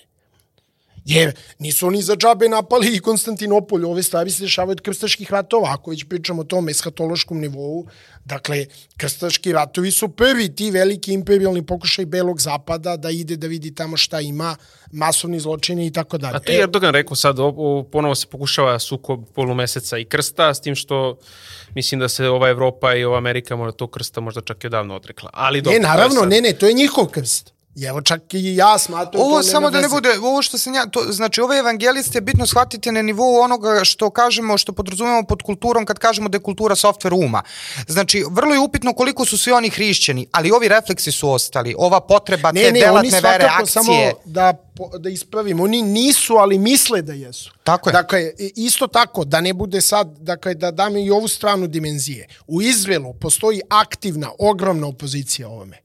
Čak i u verskim krugovima. Dakle, u ortodoksnim, jerijskim krugovima u Izraelu postoji aktivna opozicija, oni se tuku sa ljudima na ulici i svaka im čast na hrabrosti da u ovom momentu opšte biblijske histerije oni uspevaju i postoje jako bitni rabini koji upozoravaju na to odavno već, a sada pogotovo da će kazna za pokušavanje iskopavanja trećeg hrama na ovaj način biti nestanak i ove države koje imaju.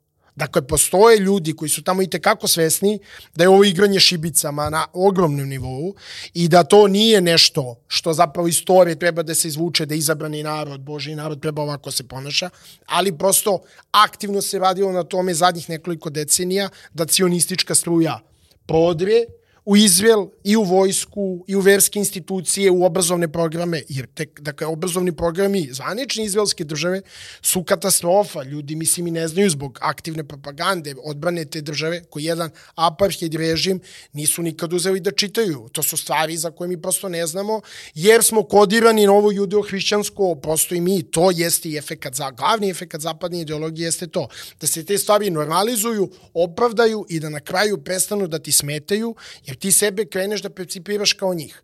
A onda odeš u Izrael, na Hristo grob, onda te mala deca, nažalost, jerijska pljuju i govore da obožavaš lažnog idola, a zna se šta se radi sa ljudima koji su pratioci lažnih idola, a tek u islamu to da ne pričamo što oni misle, mi smo njima glavni problem, njima je Hrist glavni lažni idol, iz koga izlazi glavni problem i onda iz toga nastaje Kuran otvoreno, dakle prepoznaje hrišćanstvo kao validnu, eskatološku priču, to jest veru, ima gomile preklapanja, gomile mitova, gomile svetaca, I tu onda nema šta, oni, oni godinama unazad ne kriju. I podsjetio bih i ovo, to nije usvojeno, ali je bio predlog pre dve ili tri godine da se ispovedanje javno hrišćanske, dakle obreda hrišćanske religije i tako dalje u izraelskoj državi da bude kažnjivo zakonom. Bio je taj predlog. Nije usvojen, ali je bio predlog. Taj predlog mnogo govori. Dakle, ja ne znam koliko e, treba stvari da se dogodi, koliko argumenta da se da, da je ovo u pitanju organizovani rat zapada sa ovim nosačem aviona, koji je zapravo deo zapada, Izrael je zapad tu, Izrael ne igra ni sportska takmičenja sa njima, ni Euroviziju, ni ništa, zato što je naravno prokazan tamo, jasno je zašto je prokazan, i živi direktno pod patronatom i zaštitom zapada.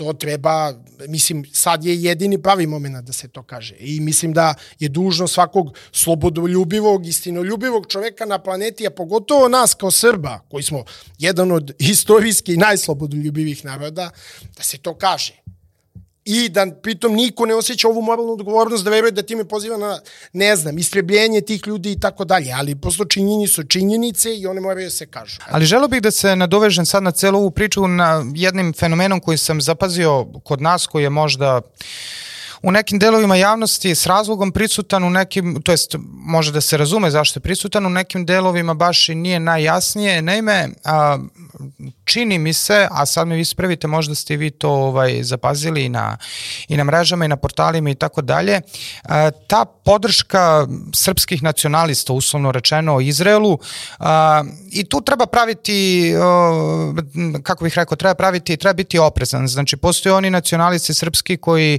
a, veruju da ćemo osloboditi Kosovo čim popijemo svoj čaj u pet, a postoji oni nacionalisti koji veruju da za tu borbu za oslobođenje Kosova moramo da se borimo na način na koji se to na koji smo to radili u prošlosti i na koji se sad vidimo u svetu počeli su da se odvijaju svi ti oslobodilački pokreti. Ono što bih ja na što bih ja želeo da skrenem pažnju ovde jeste da prvo ovo Darko što je pričao a, o potrebi za našom reevaluacijom odnosa prema islamu kao takvom.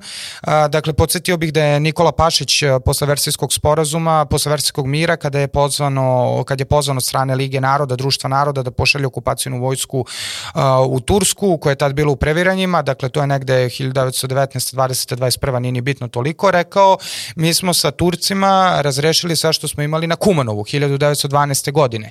Uh, ovaj deo što se tiče 90-ih, pomenuo sam ove ratove duhova i Stiva Kola, znači svi ti islamski fundamentalizmi su u većoj ili manjoj meri izašli iz uh, američke kuhinje, to jest oni su ih instruisali, ali ne nužno i inspirisali, tu su postojali drugi muslimani koji su to radili, ali su oni bili instrumentalizovani od strane američke imperije. Tako da sa jedne strane mislim da je preko potrebno da redefinišemo svoj odnos i, i, i dakle srpski, srpski nacionalisti, a da se razumemo kad pričamo o srpskim nacionalistima, tu ne podrazumemo ni desno ni levo, nego one koje su protiv, a, protiv američkih interesa, američkih imperialističkih interesa a, na Balkanu i najkonkretnije kroz Kosovo i Metohiju protiv, a, protiv Srbije. Dakle, svi oni koji su protiv, protiv tih američkih interesa, dakle svi oni bi trebalo, negde moje mišljenje, da a, revidiraju svoj odnos prema, prema islamu sa, dru, sa jedne strane, a sa druge strane mislim da moramo da vodimo računa a, kada, kada govorimo o Izraelu i hvalimo njihovu borbu za i njihovo pravo na samoodbranu i tako dalje, ali ajde se da stavimo prst na čelo i da se pomislimo da li bismo mi voleli da ovako nešto priredimo Albancima koji su građani naše države na Kosovo i Metohiji ovo što se dešava u pojasu Gaze.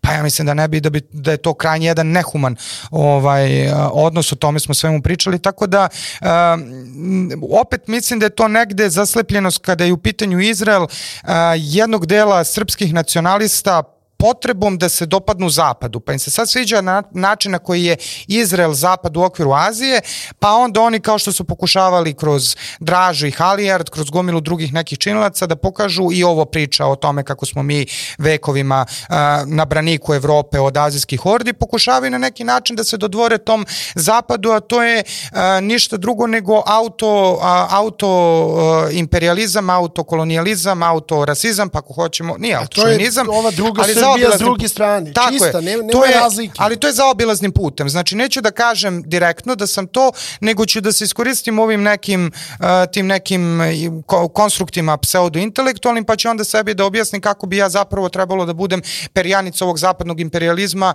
belog, lepog, visokog, plavog, uh, arijevskog, koji će da ide i da kolonizuje i da donosi civilizaciju. Mislim da Srbi generalno nisu to, Srbima istorijski to ni na koji način uh, ne pripada, nažalost nažalost mi imamo jednu genezu, jednu liniju u okviru naše um, u okviru naše srpske inteligencije kroz ova dva, tri veka nezavisne države. Ovaj imamo tu jednu liniju koja to legitimiše i ta linija ima legitimiteta, ali mislim da u kontekstu ovih novonastalih realnosti, novonastajućih realnosti u svetu bi trebalo jedno za svakda da odbacimo uh, taj narativ o nama kao po bilo kom osnovu istin sa zapadnim evropljanima i da počnemo da, da, da zapravo promišljamo o tome kakva je naša realna pozicija u tom svetu koji se rađe, kakva je naša realna pozicija na prostoru na kom živimo, dakle na Balkanu, uh, koji jeste i nije Evropa, a ovaj a prvo da bismo to uradili moramo da um, moramo da shvatimo da Izrael ovakav kakav je danas, dakle 1917. mi smo oni koji su imenovali Izrael, Milenko Vesnić, prvi međunarodni spomen Izraela je naš, do tad je bila priča Izrael i Judeja. Dakle, kad su proganjali jevreje iz Evrope, ovaj, mi smo bili prvi ti koji smo nekako ustali u odbranu svega toga. Mislim da je opet sada na nama nekako 100 godina kasnije da kažemo da se isto to dešava arapskom svetu i da, da, da vidimo koja je naša autentično, naša autentično srpsko stanovište, što bi rekao Miloš Crnjanski u celoj ovoj priči, a ne neka stanovišta koja imaju um, londonske babi i dede po njihovim privatnim klubovima koje više niko ni za šta ni ne pita. Andreja, ti si htela da pošto smo ovaj svo da svo četvoro smo imali ovaj Uh, egzegezu. Ne egzegezu, nego smo ovaj prisustovali tom, uh, tom ovaj, uh, kako bih rekao, protestu podrške palestinskom narodu ovaj uh, koji je bio u Beogradu pre više ni ne znam nedelju ili dve nedelje. Nedelju, nedelju dana je tako? Ovaj eto možda da u ime svih nas što što kaže pesma preneseš te stihove te stihove te te ovaj utiske sa tog protesta Pa, u posljednjih desetak dana u suštini su se desili protesti podrške Palestini u uh, nekoliko gradova bivše Jugoslavije. Posljednji je bio sad e, pre neki dan u Zagrebu, prije toga u Beogradu i Sarajevu, prvi je zapravo bio u Novom pazaru.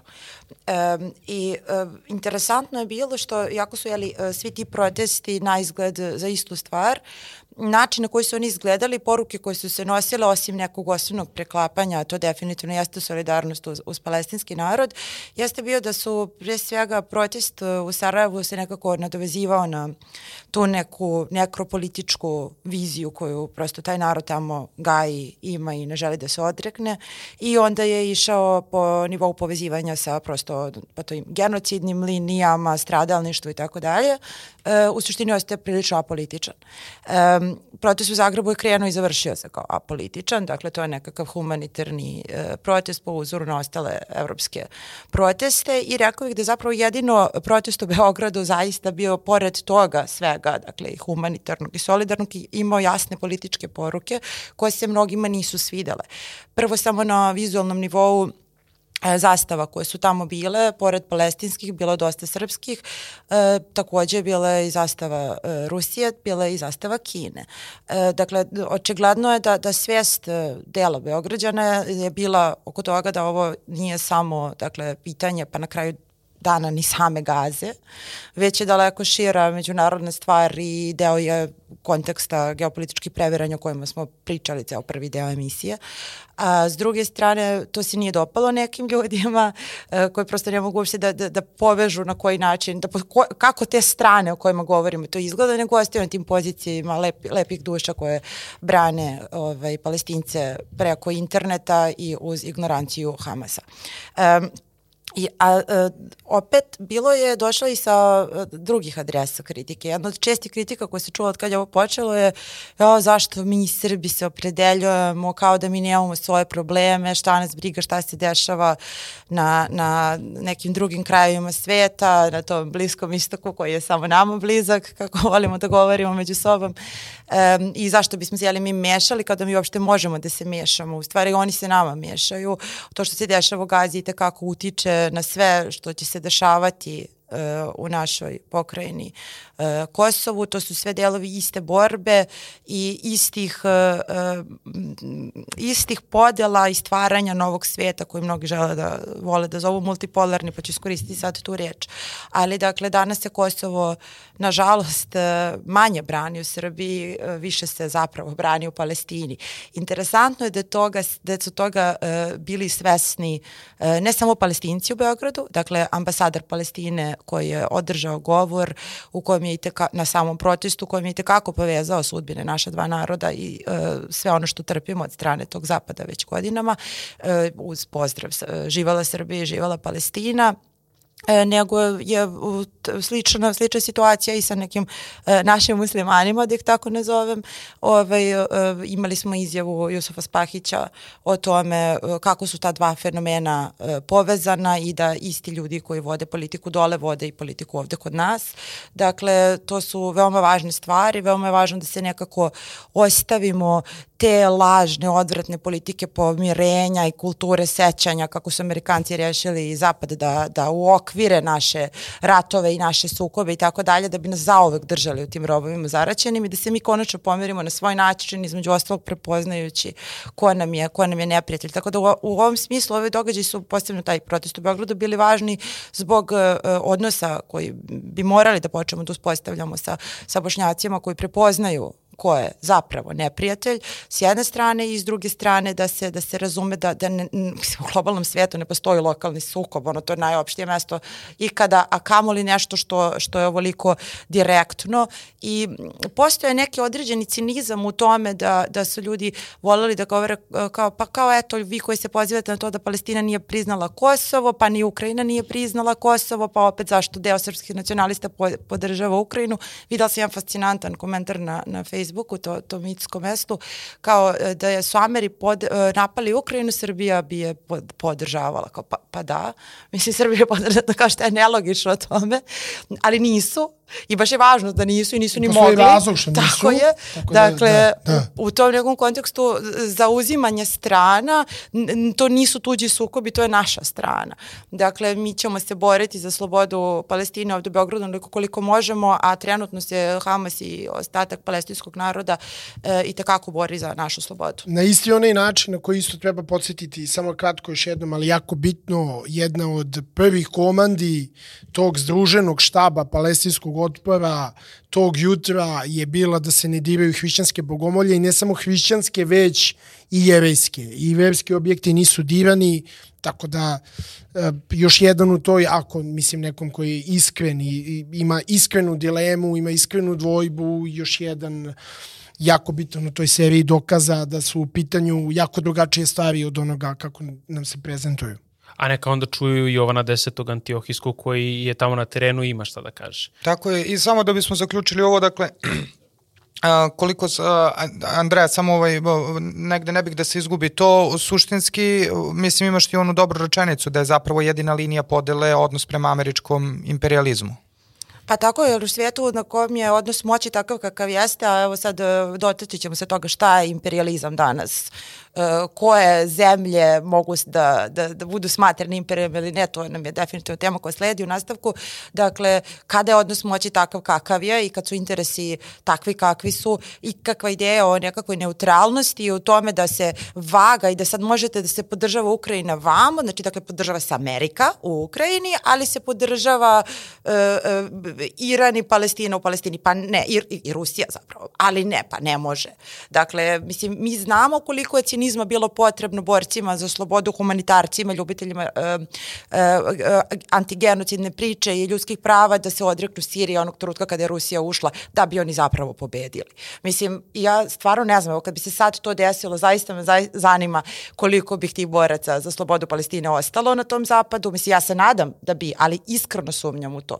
E, jer, mislim, da, eto, staću. Da, do, dobro ste sve to svakako obuhvatili to zašto je to bitno za nas što smo rekli na početku da ćemo obraditi, ali samo bi kratko opet na taj centar imperije, tamo šta se događa uh, ovih dana upravo u tim uh, medijskim uh, narativima i to kako su se Hillary Clinton i Trump oko nekog pitanja zapravo ne samo dogovorili, nego se takmiče ko će biti ekstremniji i kako se to opet događa u godini dana pred ove predsjedničke izbore uh, 24. godine i kada je ovaj Mike Johnson sad novi predsedavajući kongres, inače se on spominje izgleda za novog kandidata, izgleda najistaknutijeg republikanskog koji će se odjednom tako pojaviti, a čiji su stavovi da su Iran, Rusija i Kina nove osovine zla i da, e, da podržavanje Izraela 2024. godine Propustio si biti- Severnu Koreju. I Severnu Koreju, dobro, to se valjda podrazumeva, to je stara priča, da. E, Oni su koren osovine zapravo. Da. I da 2024. se planira taj najveći paket pomoći zajednički Ukrajini i Izraelu od preko 100 milijardi dolara, koji će vratno biti usvojen možda najvećim stepenom uh, sjedinjenosti, Saglasja. upravo republikanaca i demokrata, kao što je bio i onaj antiteroristički uh, zakon iz uh, 2000, uh, tako, druge godine. Kada su- Patriot Act. Tako je, Patriot Act. To, a to se zove zakon o špioniranju sobstvenih građana. Mislim, to je suština Zapravo, zakona. zapravo. I upravo šta se krije iza toga. A to se sve dešava u danima kada imamo opet ova užasna masovna ubistva u Americi i tu smo rekli emisija treba podsjetiti zemlja koja ove godine samo ima 565 tih pucnjava u kojima je svaki peti Amerikanac ima nekoga uh, koji je poginuo u familiji svojoj od vatrenog oružja. Znači, u takvoj, u takvoj zemlji se to Zenit dešava demokratije. gde, gde, gde ne može, demokratije. gde to ne može tih dana da se pogleda na televiziji, jer se tih dana takmiče i Fox News i CNN, ko će biti, uh, ne znam ja, veći zaštitnik uh, Ljudskih Izraela prava, i da. ljudskih prava. A, samo bih volao da izbrainstormujem, ovo mi je palo na pamet, ali dok si ti to pričao, a, to smo malo ispominjali u emisiji. A, sad Biden a, ovaj, priča, stalno se provejava priča da će se zapravo vratiti mobilizacija, kao u vreme Vijetnamskog rata. I viralni su na TikToku pripadnici Gen Z, koji mučeni onako lepi, slatki, plavi, kovrđavi, sa, šiškima, plavi, malo... sa. Pa neću sad, feminizirani dečačići koji ono i koji Kad sad jesu. kaže, jeste, kad jesu? i on kaže, uh, kaže ovaj, najiskrenije, dečko, vidi se kao, pa gde će on mene da šalje u Iran, ja da ratujem protiv, kaže nekog Hezbolaha, kako ja da ratujem i to. I sad, ali pazi, to je vrlo zapravo jedna jaka kontradikcija, jer kao gine se, ok, gine se. Ajde da prihvatimo to da se gine, da je ono što ne sme se dešava. Gine se u Americi, ti si rekao, to je obećana zemlja šta god, kako god, i gine se, gine se na primjer u Gazi. I u Izraelu, što da ne kažemo. Znači, jedni drugi se bore za nešto. Zašto se gine u Americi? Sad tu kad bismo ušli u te situaciju, tih, u te mass shooting i tako dalje, ima tu gomilu motiva koji su uglavnom socijalnih i psihičkih i kakvih god razloga, može to da se analizira i na ovaj i na onaj način. Ovamo se gine iz nekih drugih razloga, ljudi veruju nešto, bore se za nešto, imaju što kažu vertikalu, imaju nešto, imaju svest o tome da ih nešto nadilazi, pa se ovi bore za ovo, ovo i za ono. Ali to je zapravo meni najstrašnija, da, znači da, da uzmemo u obzir da će se razviti scenarij onako kako misle ovi um, uh, jastrebovi iz Pentagona i da Amerika zarati sa Iranom. To smo mi pričali u emisiji, a evo i, i, i sa vas da, da porazgovaramo o tome. Znači ovo uglavnom kad čitam sa tanke crvene linije i sa drugih portala koji iz minutu u minut izveštavaju pa kažu um, umro je mučenik taj taj za veru, umro je mučenik taj i taj za veru. Znači, ovde kad neko pogine za nešto što ga nadilazi, on odmah postaje mučenik i to je neki integ, kohezivni faktor društva. A zamislimo i setimo se kako je bilo u vreme Busha, koje, to je neka Amerika koja je bila mnogo radikalnija, zamislimo danas ovu vokizovanu Ameriku, kad bi krenuli sa nosača aviona da im se vraćaju kovčezi pokriveni američkim zastavama. Na koji način bi to uticalo na američko, na američko društvo? Znači, to ti ono, imaš neko oružje, ali okej, kako te to oružje, ko će rukovati tim oružjem, šta možeš da uradiš sa tim oružjem? Ti imaš neki bazen ljudi, ali ko su ti ljudi? Da li su oni spremni da ratuju? Zato, ako ste vi pomenuta Kamala Harris, pomenuta Aleksandro Ocasio-Cortez, pomenuti Bernie Sanders, koji evo, Bernie Sanders Bernie koji je bio levičar do sad.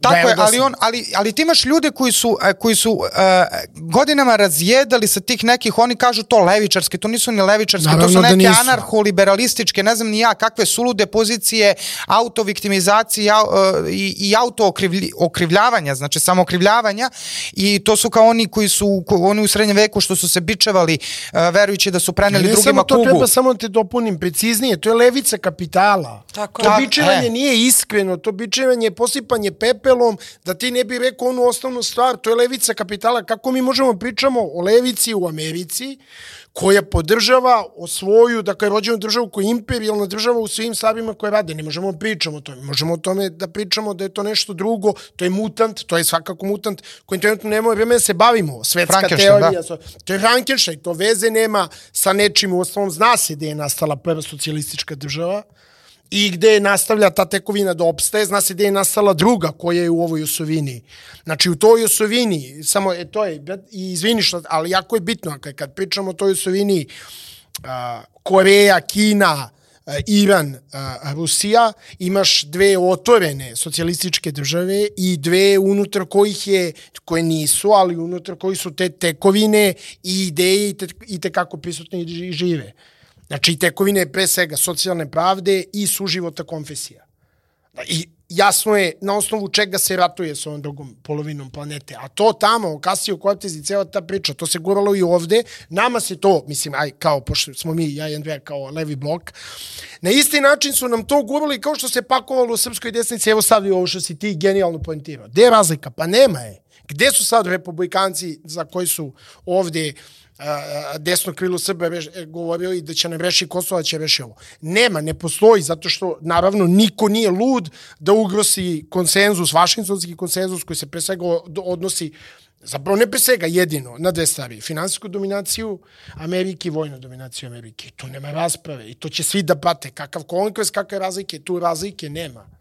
I, mislim- dominacija ove vojne industrije koja, kad si rekao zašto ginu ljudi na Bliskom istoku, a zašto ginu ti koji ginu u masovnim pucnjama, mogu samo se zahvale tim velikim kompanijama. Tako je. čiji Raytheonovi. I koji su isto pokriveni tom američkom zastavom, verovatno, kada, kada kada, kada dođu u kovčegu, je tako, kada, kada ta deca koja, koliko je samo sad u noći veštica opet bilo o pucnjama, kome, kome oni onda mogu, Da, zašto čak imaju oni to sad prelazi u okultizam, imaju scenografiju. Da. Ali drugu stvar sam htio da kažem, ovaj, e, samo ovo što, e, Darko, to su, ali ta, ta pozicija e, levica kapitala sa, sa svojom tom nekom ideologijom vokizma i to, oni su zapravo razvijeli i ono što je bilo zdravo u Americi. Znači, ti ta, tamo nemaš više ni zdrav patriotizam, nemaš više ni zdrav, tamo više, čini mi se da zapravo suštinski a, Amerika nije sposobna da iznedri više bilo kakvu zdravu, Absolutno. patriotsku, ovaj, jer ako nam je Trump glavna uzdanica, koji je, mislim, čovek koji je izašao iz realitija, ili ovaj Vivek uh, Ramaswamy, ovaj koji je uh, čovek, mislim, ono, kakve on grozote priča o Gazi, pritom on je indijac, pa tu sad imaš taj moment nasleđenog indijsko-pakistanskog sukoba gde on sad postaje neka, neka ovaj, okosnica republikanske partije u ovim predizborima u okviru republikanske partije, ovaj, ako su ti ljudi, oni, o, o, o, e, kako bih rekao, perjanica, te neke desnice koje treba da spase Ameriku, onda Amerika definitivno ne može više da rodi bilo šta. I onda se postavlja pitanje ovaj, da li je jedina, e, jedina, jedina, e, jedino mesto gde će oni da gube živote i da polažu svoje živote ta ludila, ti mass shootingsi gde svaki peti član, svaki peti Amerikanac ima neko komu je stradao u mass shootingu ili ubijen u nekom drugom od vatrenog oružja. Upravo to. I, I samo treba reći šta je sad Trump poslednja izjava koja je rekao da će identifikovati i deportovati, deportovati sve strance koji su učestvovali u demonstracijama podrške Palestini. Eto, dokle, dokle to ide to takmičenje. A deportovaće ih Meksiko. A čekajte, zar vam nedostaju teme Trump i deportacije? da, pa dobro, on je stručnjak za deportaciju. Da. Definitivno. E, tako da negde e, zaključimo onda ovu temu i da možda krenemo na pojasi put e, koji, put koji je, da, nekako izmaglici svega ovoga, ali vidi se jako dobro i da kažemo da su jedina dva čoveka iz Evrope, predsednik Srbije i predsednik Mađarske koji su ove godine prisustvovali na samitu Pojas i put, nekako su nestali ovi iz Italije, isto neki suverenisti lažni ili ovi iz Grčke i tako dalje koji su polagali razne nade ekonomske, ali su nekako odlučili da 2024. Italija da napusti Pojas put, samo ne znam ko će im nadoknaditi to E, tu, tu, tu zaista jedan sjajan ekonomski potez, verovatno Melonijeve. Uh, ali uh, vidimo evidentno nedostajanje uh, određenih tog evropskog faktora. Sa druge strane, u Evropi se formira jedan drugi blok, blok evo vidimo u Slovačkoj uh, da je pobedio, pobedila stranka uh, Fica koja uh, kaže da neće više podržavati nikakvo finansiranje rata uh, rata u Ukrajini, ako je Slovačka jedno od malte ne sve isporučila što je imala do sada. Oni nemaju šta više, sad je lako. da, da, sad je to manje više lako, a sa druge strane imamo opet ovu zanimljivu situaciju u, u Evropi sa Poljskom. Ali ajde prvo, uh, pojas i put, što se tiče Srbije, to je, imamo i uh, slobodnu trgovinu sad sa Kinom uh, koja će krenuti to ćemo vidjeti kako će se razvijati to jedno dominantno tržište u odnosu na naše i ta slobodna trgovina. Naravno, svakako jako je dobro povezivanje i videli smo odmah krike iz Europske unije da kako mi to ne smemo i šta ne smemo, ali je lepo da uprkos tome svemu da mi nekako... Da se krici čuju. I, da, I dobro je što se čuju, jer onda znamo da smo zapravo i dalje na nekom kursu. Na pravom pojasu svog, i putu. Na pravom pojasu na i pravom putu. Pojasu. Upravo to. Tako ja da, bih, da. da, ja bih voleo samo, e, e, sad šta tu ima da se postoje, čak i saopštenja su bila poslovična, jako, zato što mislim da je ova konferencija, mislim, jasno je, pošla zapravo, to je jako bitno primetiti, uh, uh, Xi Jinping i Vladimir Putin su četiri sata pričali bez prevodioca, prvi put. I druga stvar... Na srpskom. Uh, da, da, na starom palestinskom jeziku. I, ovaj, i a, a, bili su predstavnici vojnih delegacija koji su upadljivo nosili nešto što liči na nuklearno koferče. Pa dobro, to valjda uvek ide uz velike lidere. Uh, kad ja idu negde na putovanja. To. Ja nisam vidio do sada. Pa gde da pa, vidiš ko Bidenu da da nuklearno koferče, mislim da, i ti stvarno padne da, na dobro, nuklearno koferče, odo smo svi u... Ne, ja zaboravim, ja zaboravim ko je, ko je lider demokratskog sveta. Pa, ja konstantno je. sam sebi potivim tu činjenicu, da. Ali svakako da, da je, ja sam siguran da su zapravo predmeti tih razgovora, ovaj, da su bili, mislim, svi relevantni činioci ove druge polovine sveta potekli u vojnim planovima što je očigledno, nažalost, a možda na sveću, na dnevnom redu istorije. Ja, ja bih samo lično voleo da izvazim želju da se naša država više pridržava toga, a, zato što mi konstantno laviramo i konstantno nam se to laviranje predstavlja kao neka mudra nacionalna politika. Ja bih voleo da je to tako. Ove, ovaj, možda postoje stvari koje ja ne vidim, ne isključujem to. Uh, ali ovaj svakako da nama odsustvuje ovo, odsustvuje nam jasno svrstavanje, a, a to što si upravo ti rekao, da pogledamo bilo koju državu koja je napustila a, a, planove za to kako, mislim, čemu ta Grčka se nada. Oni su, evo, taj reprogram duga iz 2009. ih je odveo novi dug toliko je kao značajno, to su toliko velike da, pare. ali da podsjetimo, sad Kina je htela da otkupi deo luke Haifa u Izraelu, kada su im Amerikanci zabranili i rekli, ej bre, nema to da se radi. Ovo je, znaš šta je, ne može, ne može tu da pojasi putnika kada bude. Tako da, e, ali da, apsolutno, grčke luke su i dalje, i, i, i ukrajine italijanske, i gore Grčke Rotterdam. luke su, nažalost, u tom, ajde pričamo o ovom pravoslavnom da. tonu, broj jedan. I to je ogroman problem. To jeste ogroman problem. Ovaj, Krit je zapravo najveće, to se ne pominje toliko, Krit je A, zapravo britansko, najveća zapravo, američka baza Američka. i evo sad smo, mislim, pričali, evo, pojavio su se ogromne količine aviona i pratećeg osoblja i tako dalje. Druga je ona baza pored Atine, koja je takođe ogromna. I Tako Kipar, da, naravno. Kipar, to, tu nema šta, to je stara britanska zemlja. Kipar je stara britanska Cyprus. Tako da, da, da situacija se oko nas jako komplikuje. To je onako. Ono što je zanimljivo i što je nama bitno jeste zapravo ova Orbanova mala antanta koja se pravi, koja je jako bitna, u koju ako uđe, ja verujem da, mislim, morao bi Fico da uđe, zato što nema tu druge stvari koja, koje može da, da okupi i da zbije redove u ovom nekom iole racionalnom, ajde da ga nazovemo, evropskom bloku koji nismo sasvim tamo i koji pokušavamo da preguramo bukvalno od prve plate do druge plate, ali vrlo uskoro i to već ide, evo, kao, jel danas poseta uh, gospođe von der Leyen? E, s- Čemu? da, Nama? Srbiji dolazi, da. Ja pratim posetu. USS Forda, ja von der da, Leyen od, da. odavno ne I, pratim. Tako i da- Queen Elizabeth sad ulazi polako. E da, ulazi Queen Elizabeth. To je Na drugi, Gibraltar. nije USS, nego je British SS. A dobro. Tako da vrlo brzo ćemo morati biti pritisnuti da se opredeljujemo i ovaj to već nama govori Evropska unija mesecima o još od ovih pitanja sankcija i koje još stoji sad na glavom da to neće moći ovako i tako da slede nam svakako dani izazova i dani velikih ovih duhovnih kušanja pre svega, ali ja verujem da ćemo kao i uvek što smo do sada bili mi kao narod ostati na ispravnoj strani istorije i na strani pre svega pojasa i puta, tako da a, to je neko moje mišljenje na tu temu. Da.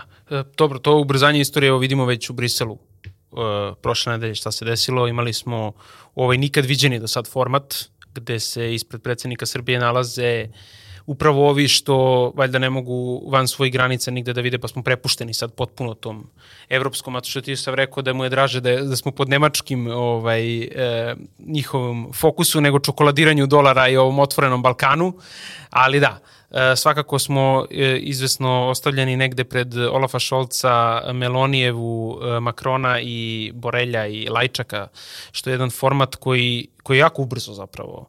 Ovo sve gde se sad bila su i saopštenja i da je upravo ta von der Leyenova iz, iz, iz Prištine rekla da Srbija de facto i treba da prihvati sve ovo što sad sve postaje jasnije u kom smeru to ide, naravno u kontekstu toga što ne treba zaboravimo da nama idu izbori za dva meseca.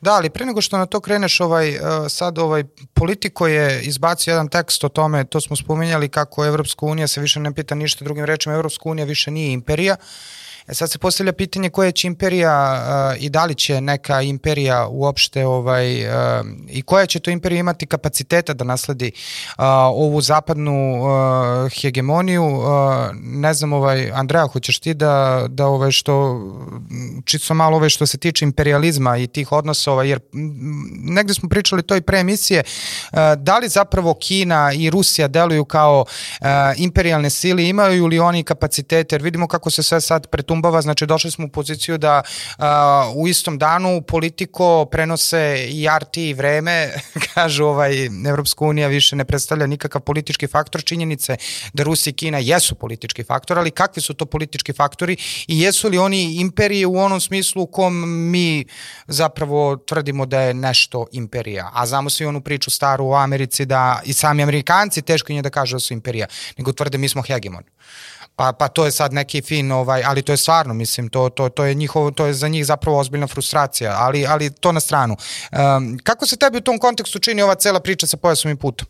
A dok, dok ne odemo na, na istok, ja bih još malo da se pozabavimo zapadom. Um, put Srbije na zapad je evropski.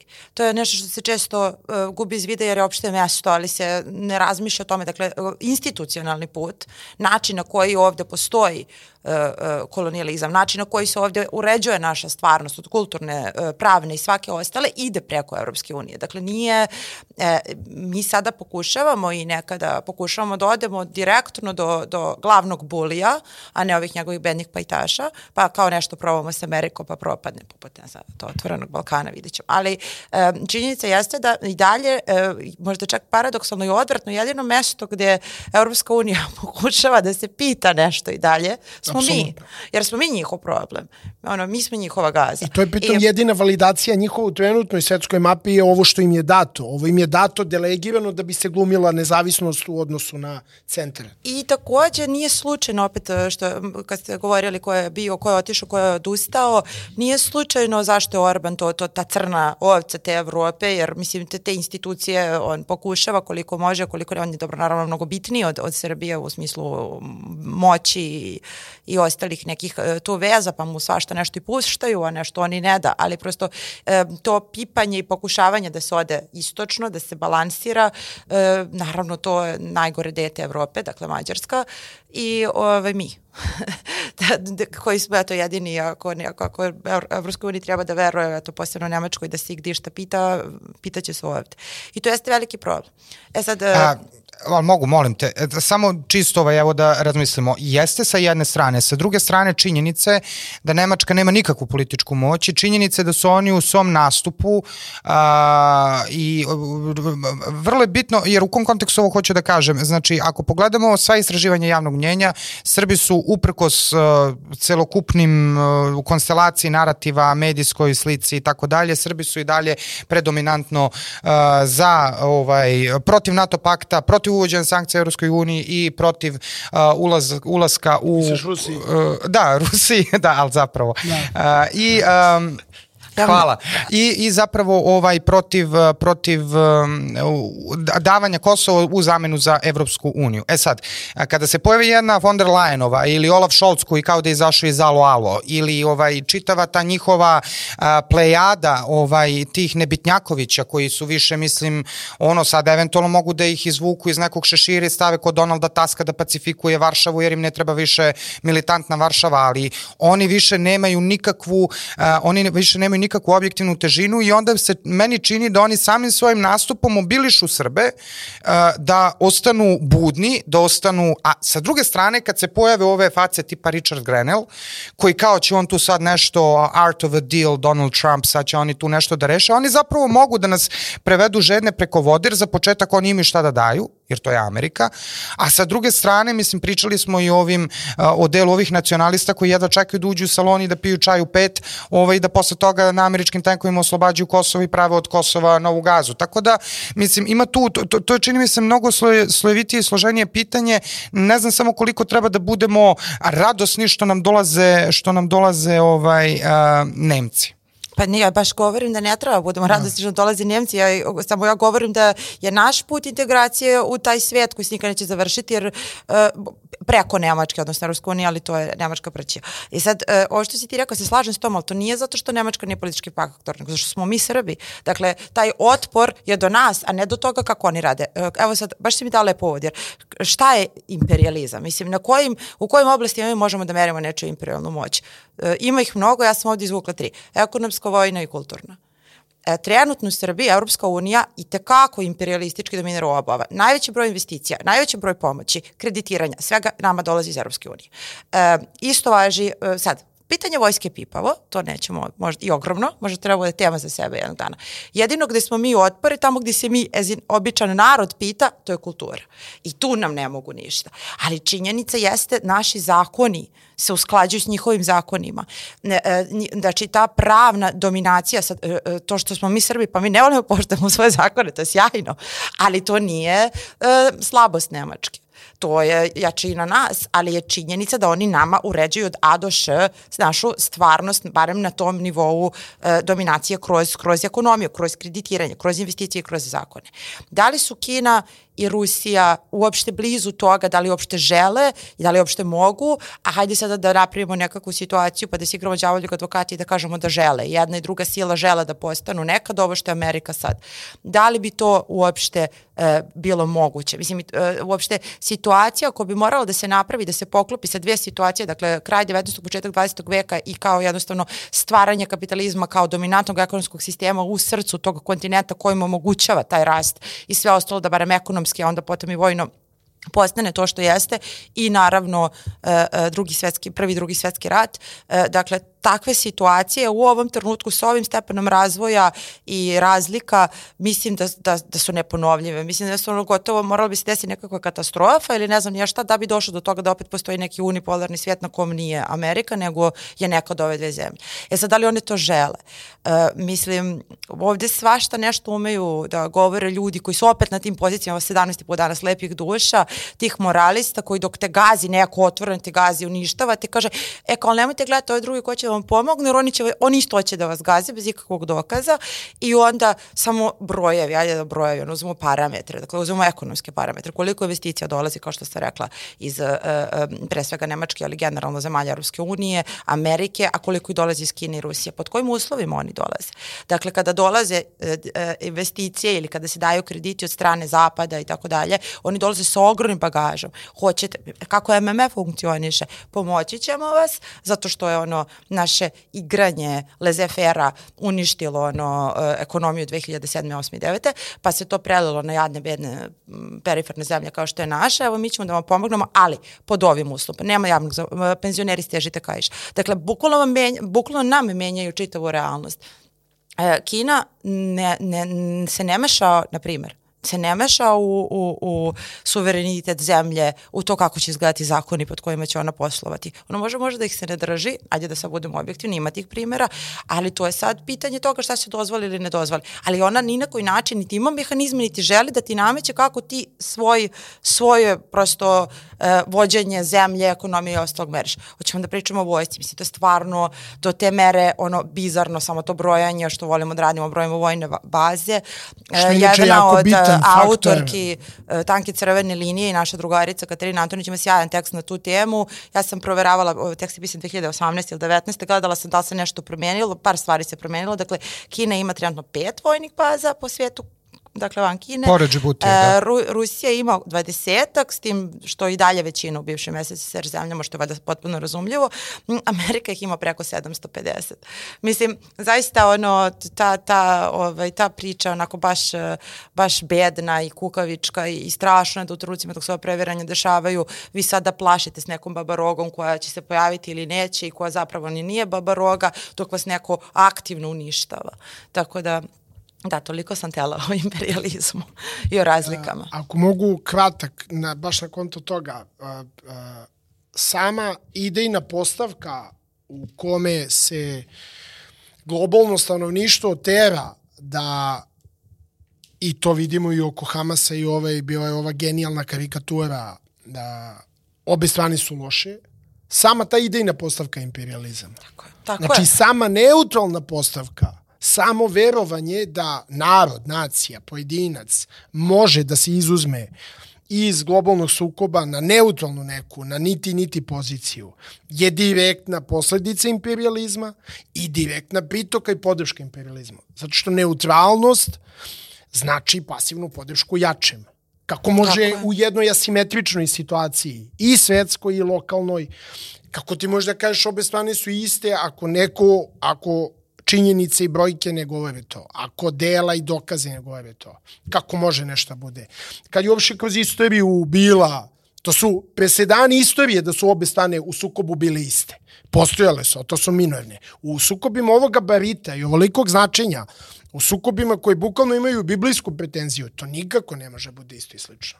E, podsjetio si me, zaboravila sam jer sam otišla previše ovo ekonomsko vojno pitanje, e, kultura i kulturna dominacija, znači to je toliko bitno. Svaki put kad kažemo autokolonijalizam ili kolonizovani umovi, ono što, čim smo se bavili u prošloj uh, epizodi Jam Sessiona, šta, čije su naše riječi, čiji su naši termini, šta je na, čija je naša priča. Dakle, to je jedno od najbitnijih uh, koje je Amerika izmislila i doktorirala, dakle, takozvana meka moć i uopšte dominacija putem kulture. To, to, su, to je nauka, to je uh, prije svega kultura u užem smislu, dakle mi svi gledamo filmove, svi gledamo serije, svi slušamo muziku. Znači kako ćemo gledati na stvarnost, uh, mislim da to stvarno na bilo kom nivou može da se poredi sa bilo čim što Rusija ili Kina rade ili uopšte žele da rade? I način na koji oni uopšte šire, ako šire meku moć? Ili to mnogo više ide kroz uvažavanje razlika, kroz uvažavanje, kroz ono što su zapravo bile one stare, stare imperije, ali to je sad ogromna tema uh, o kojoj ti je sam pisao kada je pisao svoje kolumne o Eurazijama sjaj, e, ovaj, tako da, da sad sam otišla, ali upravo jeste Nisi, pojeta ali tome, to jer, jeste. jer kako funkcioniše američki multikulturalizam i pluralizam? Tako što se sve uništi prvo, sve se izjednači, nekad i fizički, i onda se izmišljaju razlike koje se toliko esencijalizuju da danas ja ne znam da li će ono kroz, ako se ovako nastavi kroz koju deceniju uopšte biti dozvoljeno da belac i crnac budu prijatelji, da, da, da, da, se, da žene i muškarci stupaju bilo kakve odnose, a kamoli seksualne. Da, mislim, prosto to ide sada do tolike politike zabranjivanja, jer se od tih silne multikulturalnosti završava u esencijalnim razlikama gde nema preplitanja, nema suživuta, I nema... gde su sve, sve, svako je svakom neprijatelj. Tako je, takozvana kulturna apropriacija, ko smije da pe, plete kikic. Mislim, to su takve bizarnosti, ali to jeste to.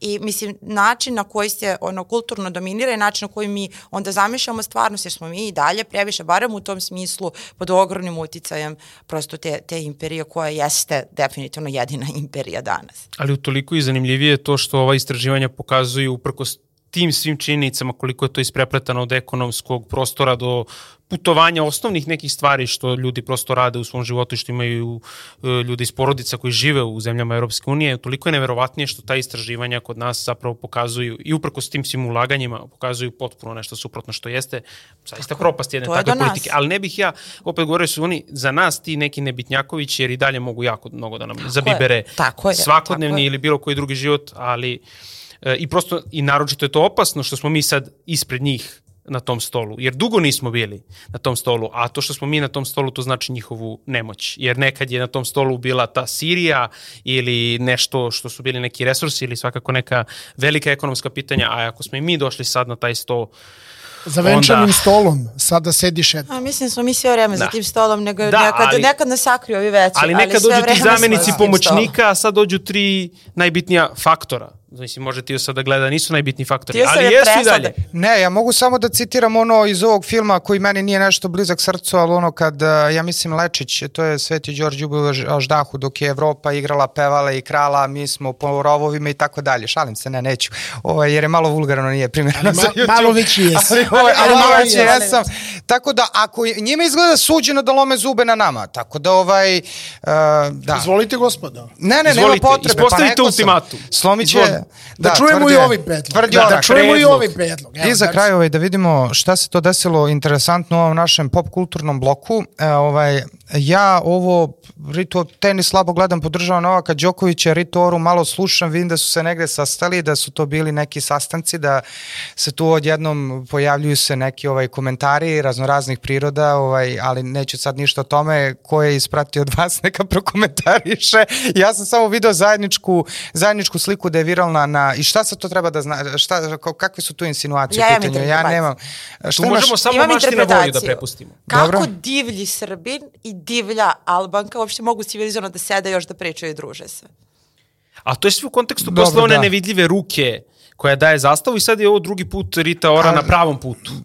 Polako. Pobediti mora. Da, ja, ja bih mogu da ti kažem sad da sam Englez, ja bih mogu to da ti objasnim kao imperialista, on je ipak prvak u belom sportu, a on je ipak tamo ovaj, integrisan u tu estradu a, američku kulturnih tih finih ljudi, tako da je to sasvim normalno da se oni nađu Ali na tako bit će jednom da si potpuno u pravu. Diskretni šarm buržuazije. Diskretni šab Pa, buržuazije. da, smo da. to znali odavno. Mi Da. smo to znali. Ali na ragbi utakmici, prljavog sporta. Ali Genijalno. možda, možda su zapravo to oni stari efendi maniri Osmanskog Commonwealtha gde dvoje civilizovanih aga uz čibuke i malu tursku kaficu razgovaraju i pregovaraju o To je tome ja šta tebi će, kako će. ti meni Vojvodu, Tako to je je, tako da rečeno, ima to tu, je. a možemo da pređemo i na Vizantiju, šalim se, nećemo na Može, Vizantiju. ne, ne, Ne, ne, nećemo, nećemo na Vizantiju, ali ne, mislim, da, tu možemo samo da nagađamo šta se desilo, vidio sam da je to a, u- uspalilo ovaj, a, našu ovaj, svekoliku srpsku javnost, a, mislim, dvoje ljudi svetskog jet seta, ovaj, ne znam šta je tu uopšte U čudno. jet set Čudno, aktivnosti. čudno, čudno bilo, da,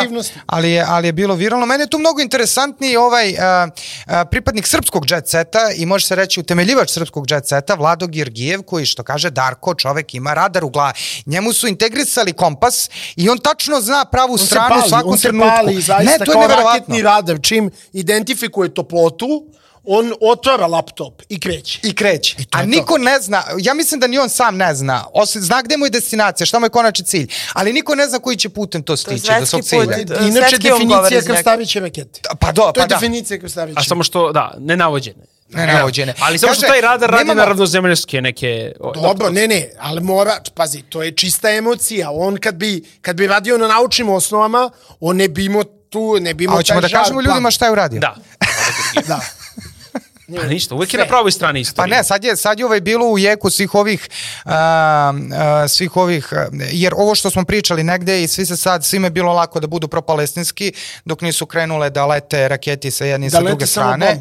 Sad, sad je ovaj, sad je ovaj ka, kako to biva kod uh, lepih duša, i ja da kažem to konačno, kad krenu da lete rakete, svi se sklanjaju pod zapadne ovaj, štitove, e, a sad je Vlado bio jedan od redkih koji je zapravo stao s ove druge strane na metu ovim uh, zapadnim raketama i rekao ja podržavam Palestinu, što je mislim ono uh, korak za svako, za svako poštovanje imajući, imajući u vidu kakve su trenutno okolnosti u društvu, tako da što se tiče srpskog primorja možda nemamo nosače aviona, ali imamo krstareće rakete.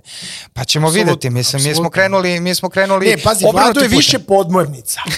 Da. Vlado to je apsolutno, Vlado je ono Jadran 2, nuklearna podmornica, koji bukvalno on samo ispliva, dakle kad je u pitanju najakutnije pitanje, izbaci i vraća se brat nazad, čeka drugu situaciju. Da. I što je genijalno i trebamo da imamo očigledno nameće se redovna rubrika emisije. Tako je. Mudra mis- tragovima Georgijeva. Tragovima, da. Tragovima Georgijeva. Na slobodnoj meži X. da. Na slobodnoj Da, mreži X, da. ovaj, tako da ne znam, jel imamo još nešto? Dobro, imali smo na početku meseca ovu Uh, Prijovićkinu, ovaj, to smo malo i mi komentarisali ovu... Pet o- arena. Nominaciju. pet arena, da, nominaciju. Ali nije Dominaciju. Pulska arena. E, ali, ali znate šta? Šta je falila? šta? Pulska arena da, pa ne. da kompletira. To nisu dali. Ne falila Pulska arena da bude kao nekad na filmskim festivalima u bivšoj Jugoslaviji i da onda može sve da... Ali nisu Hrvati samo rasisti, oni su i autorasisti ponekad. U kom da nema, pa ne može, oni moraju držati tu visoku kulturu i Pula je to mesto. I delimično, ne samo Pula, ali prosto ta ideja o kulturnim E europljanima. pa to sad to da kažem, da, odmah mi smrdi naftalin iz starih salonaca kad je rekao Pulska arena.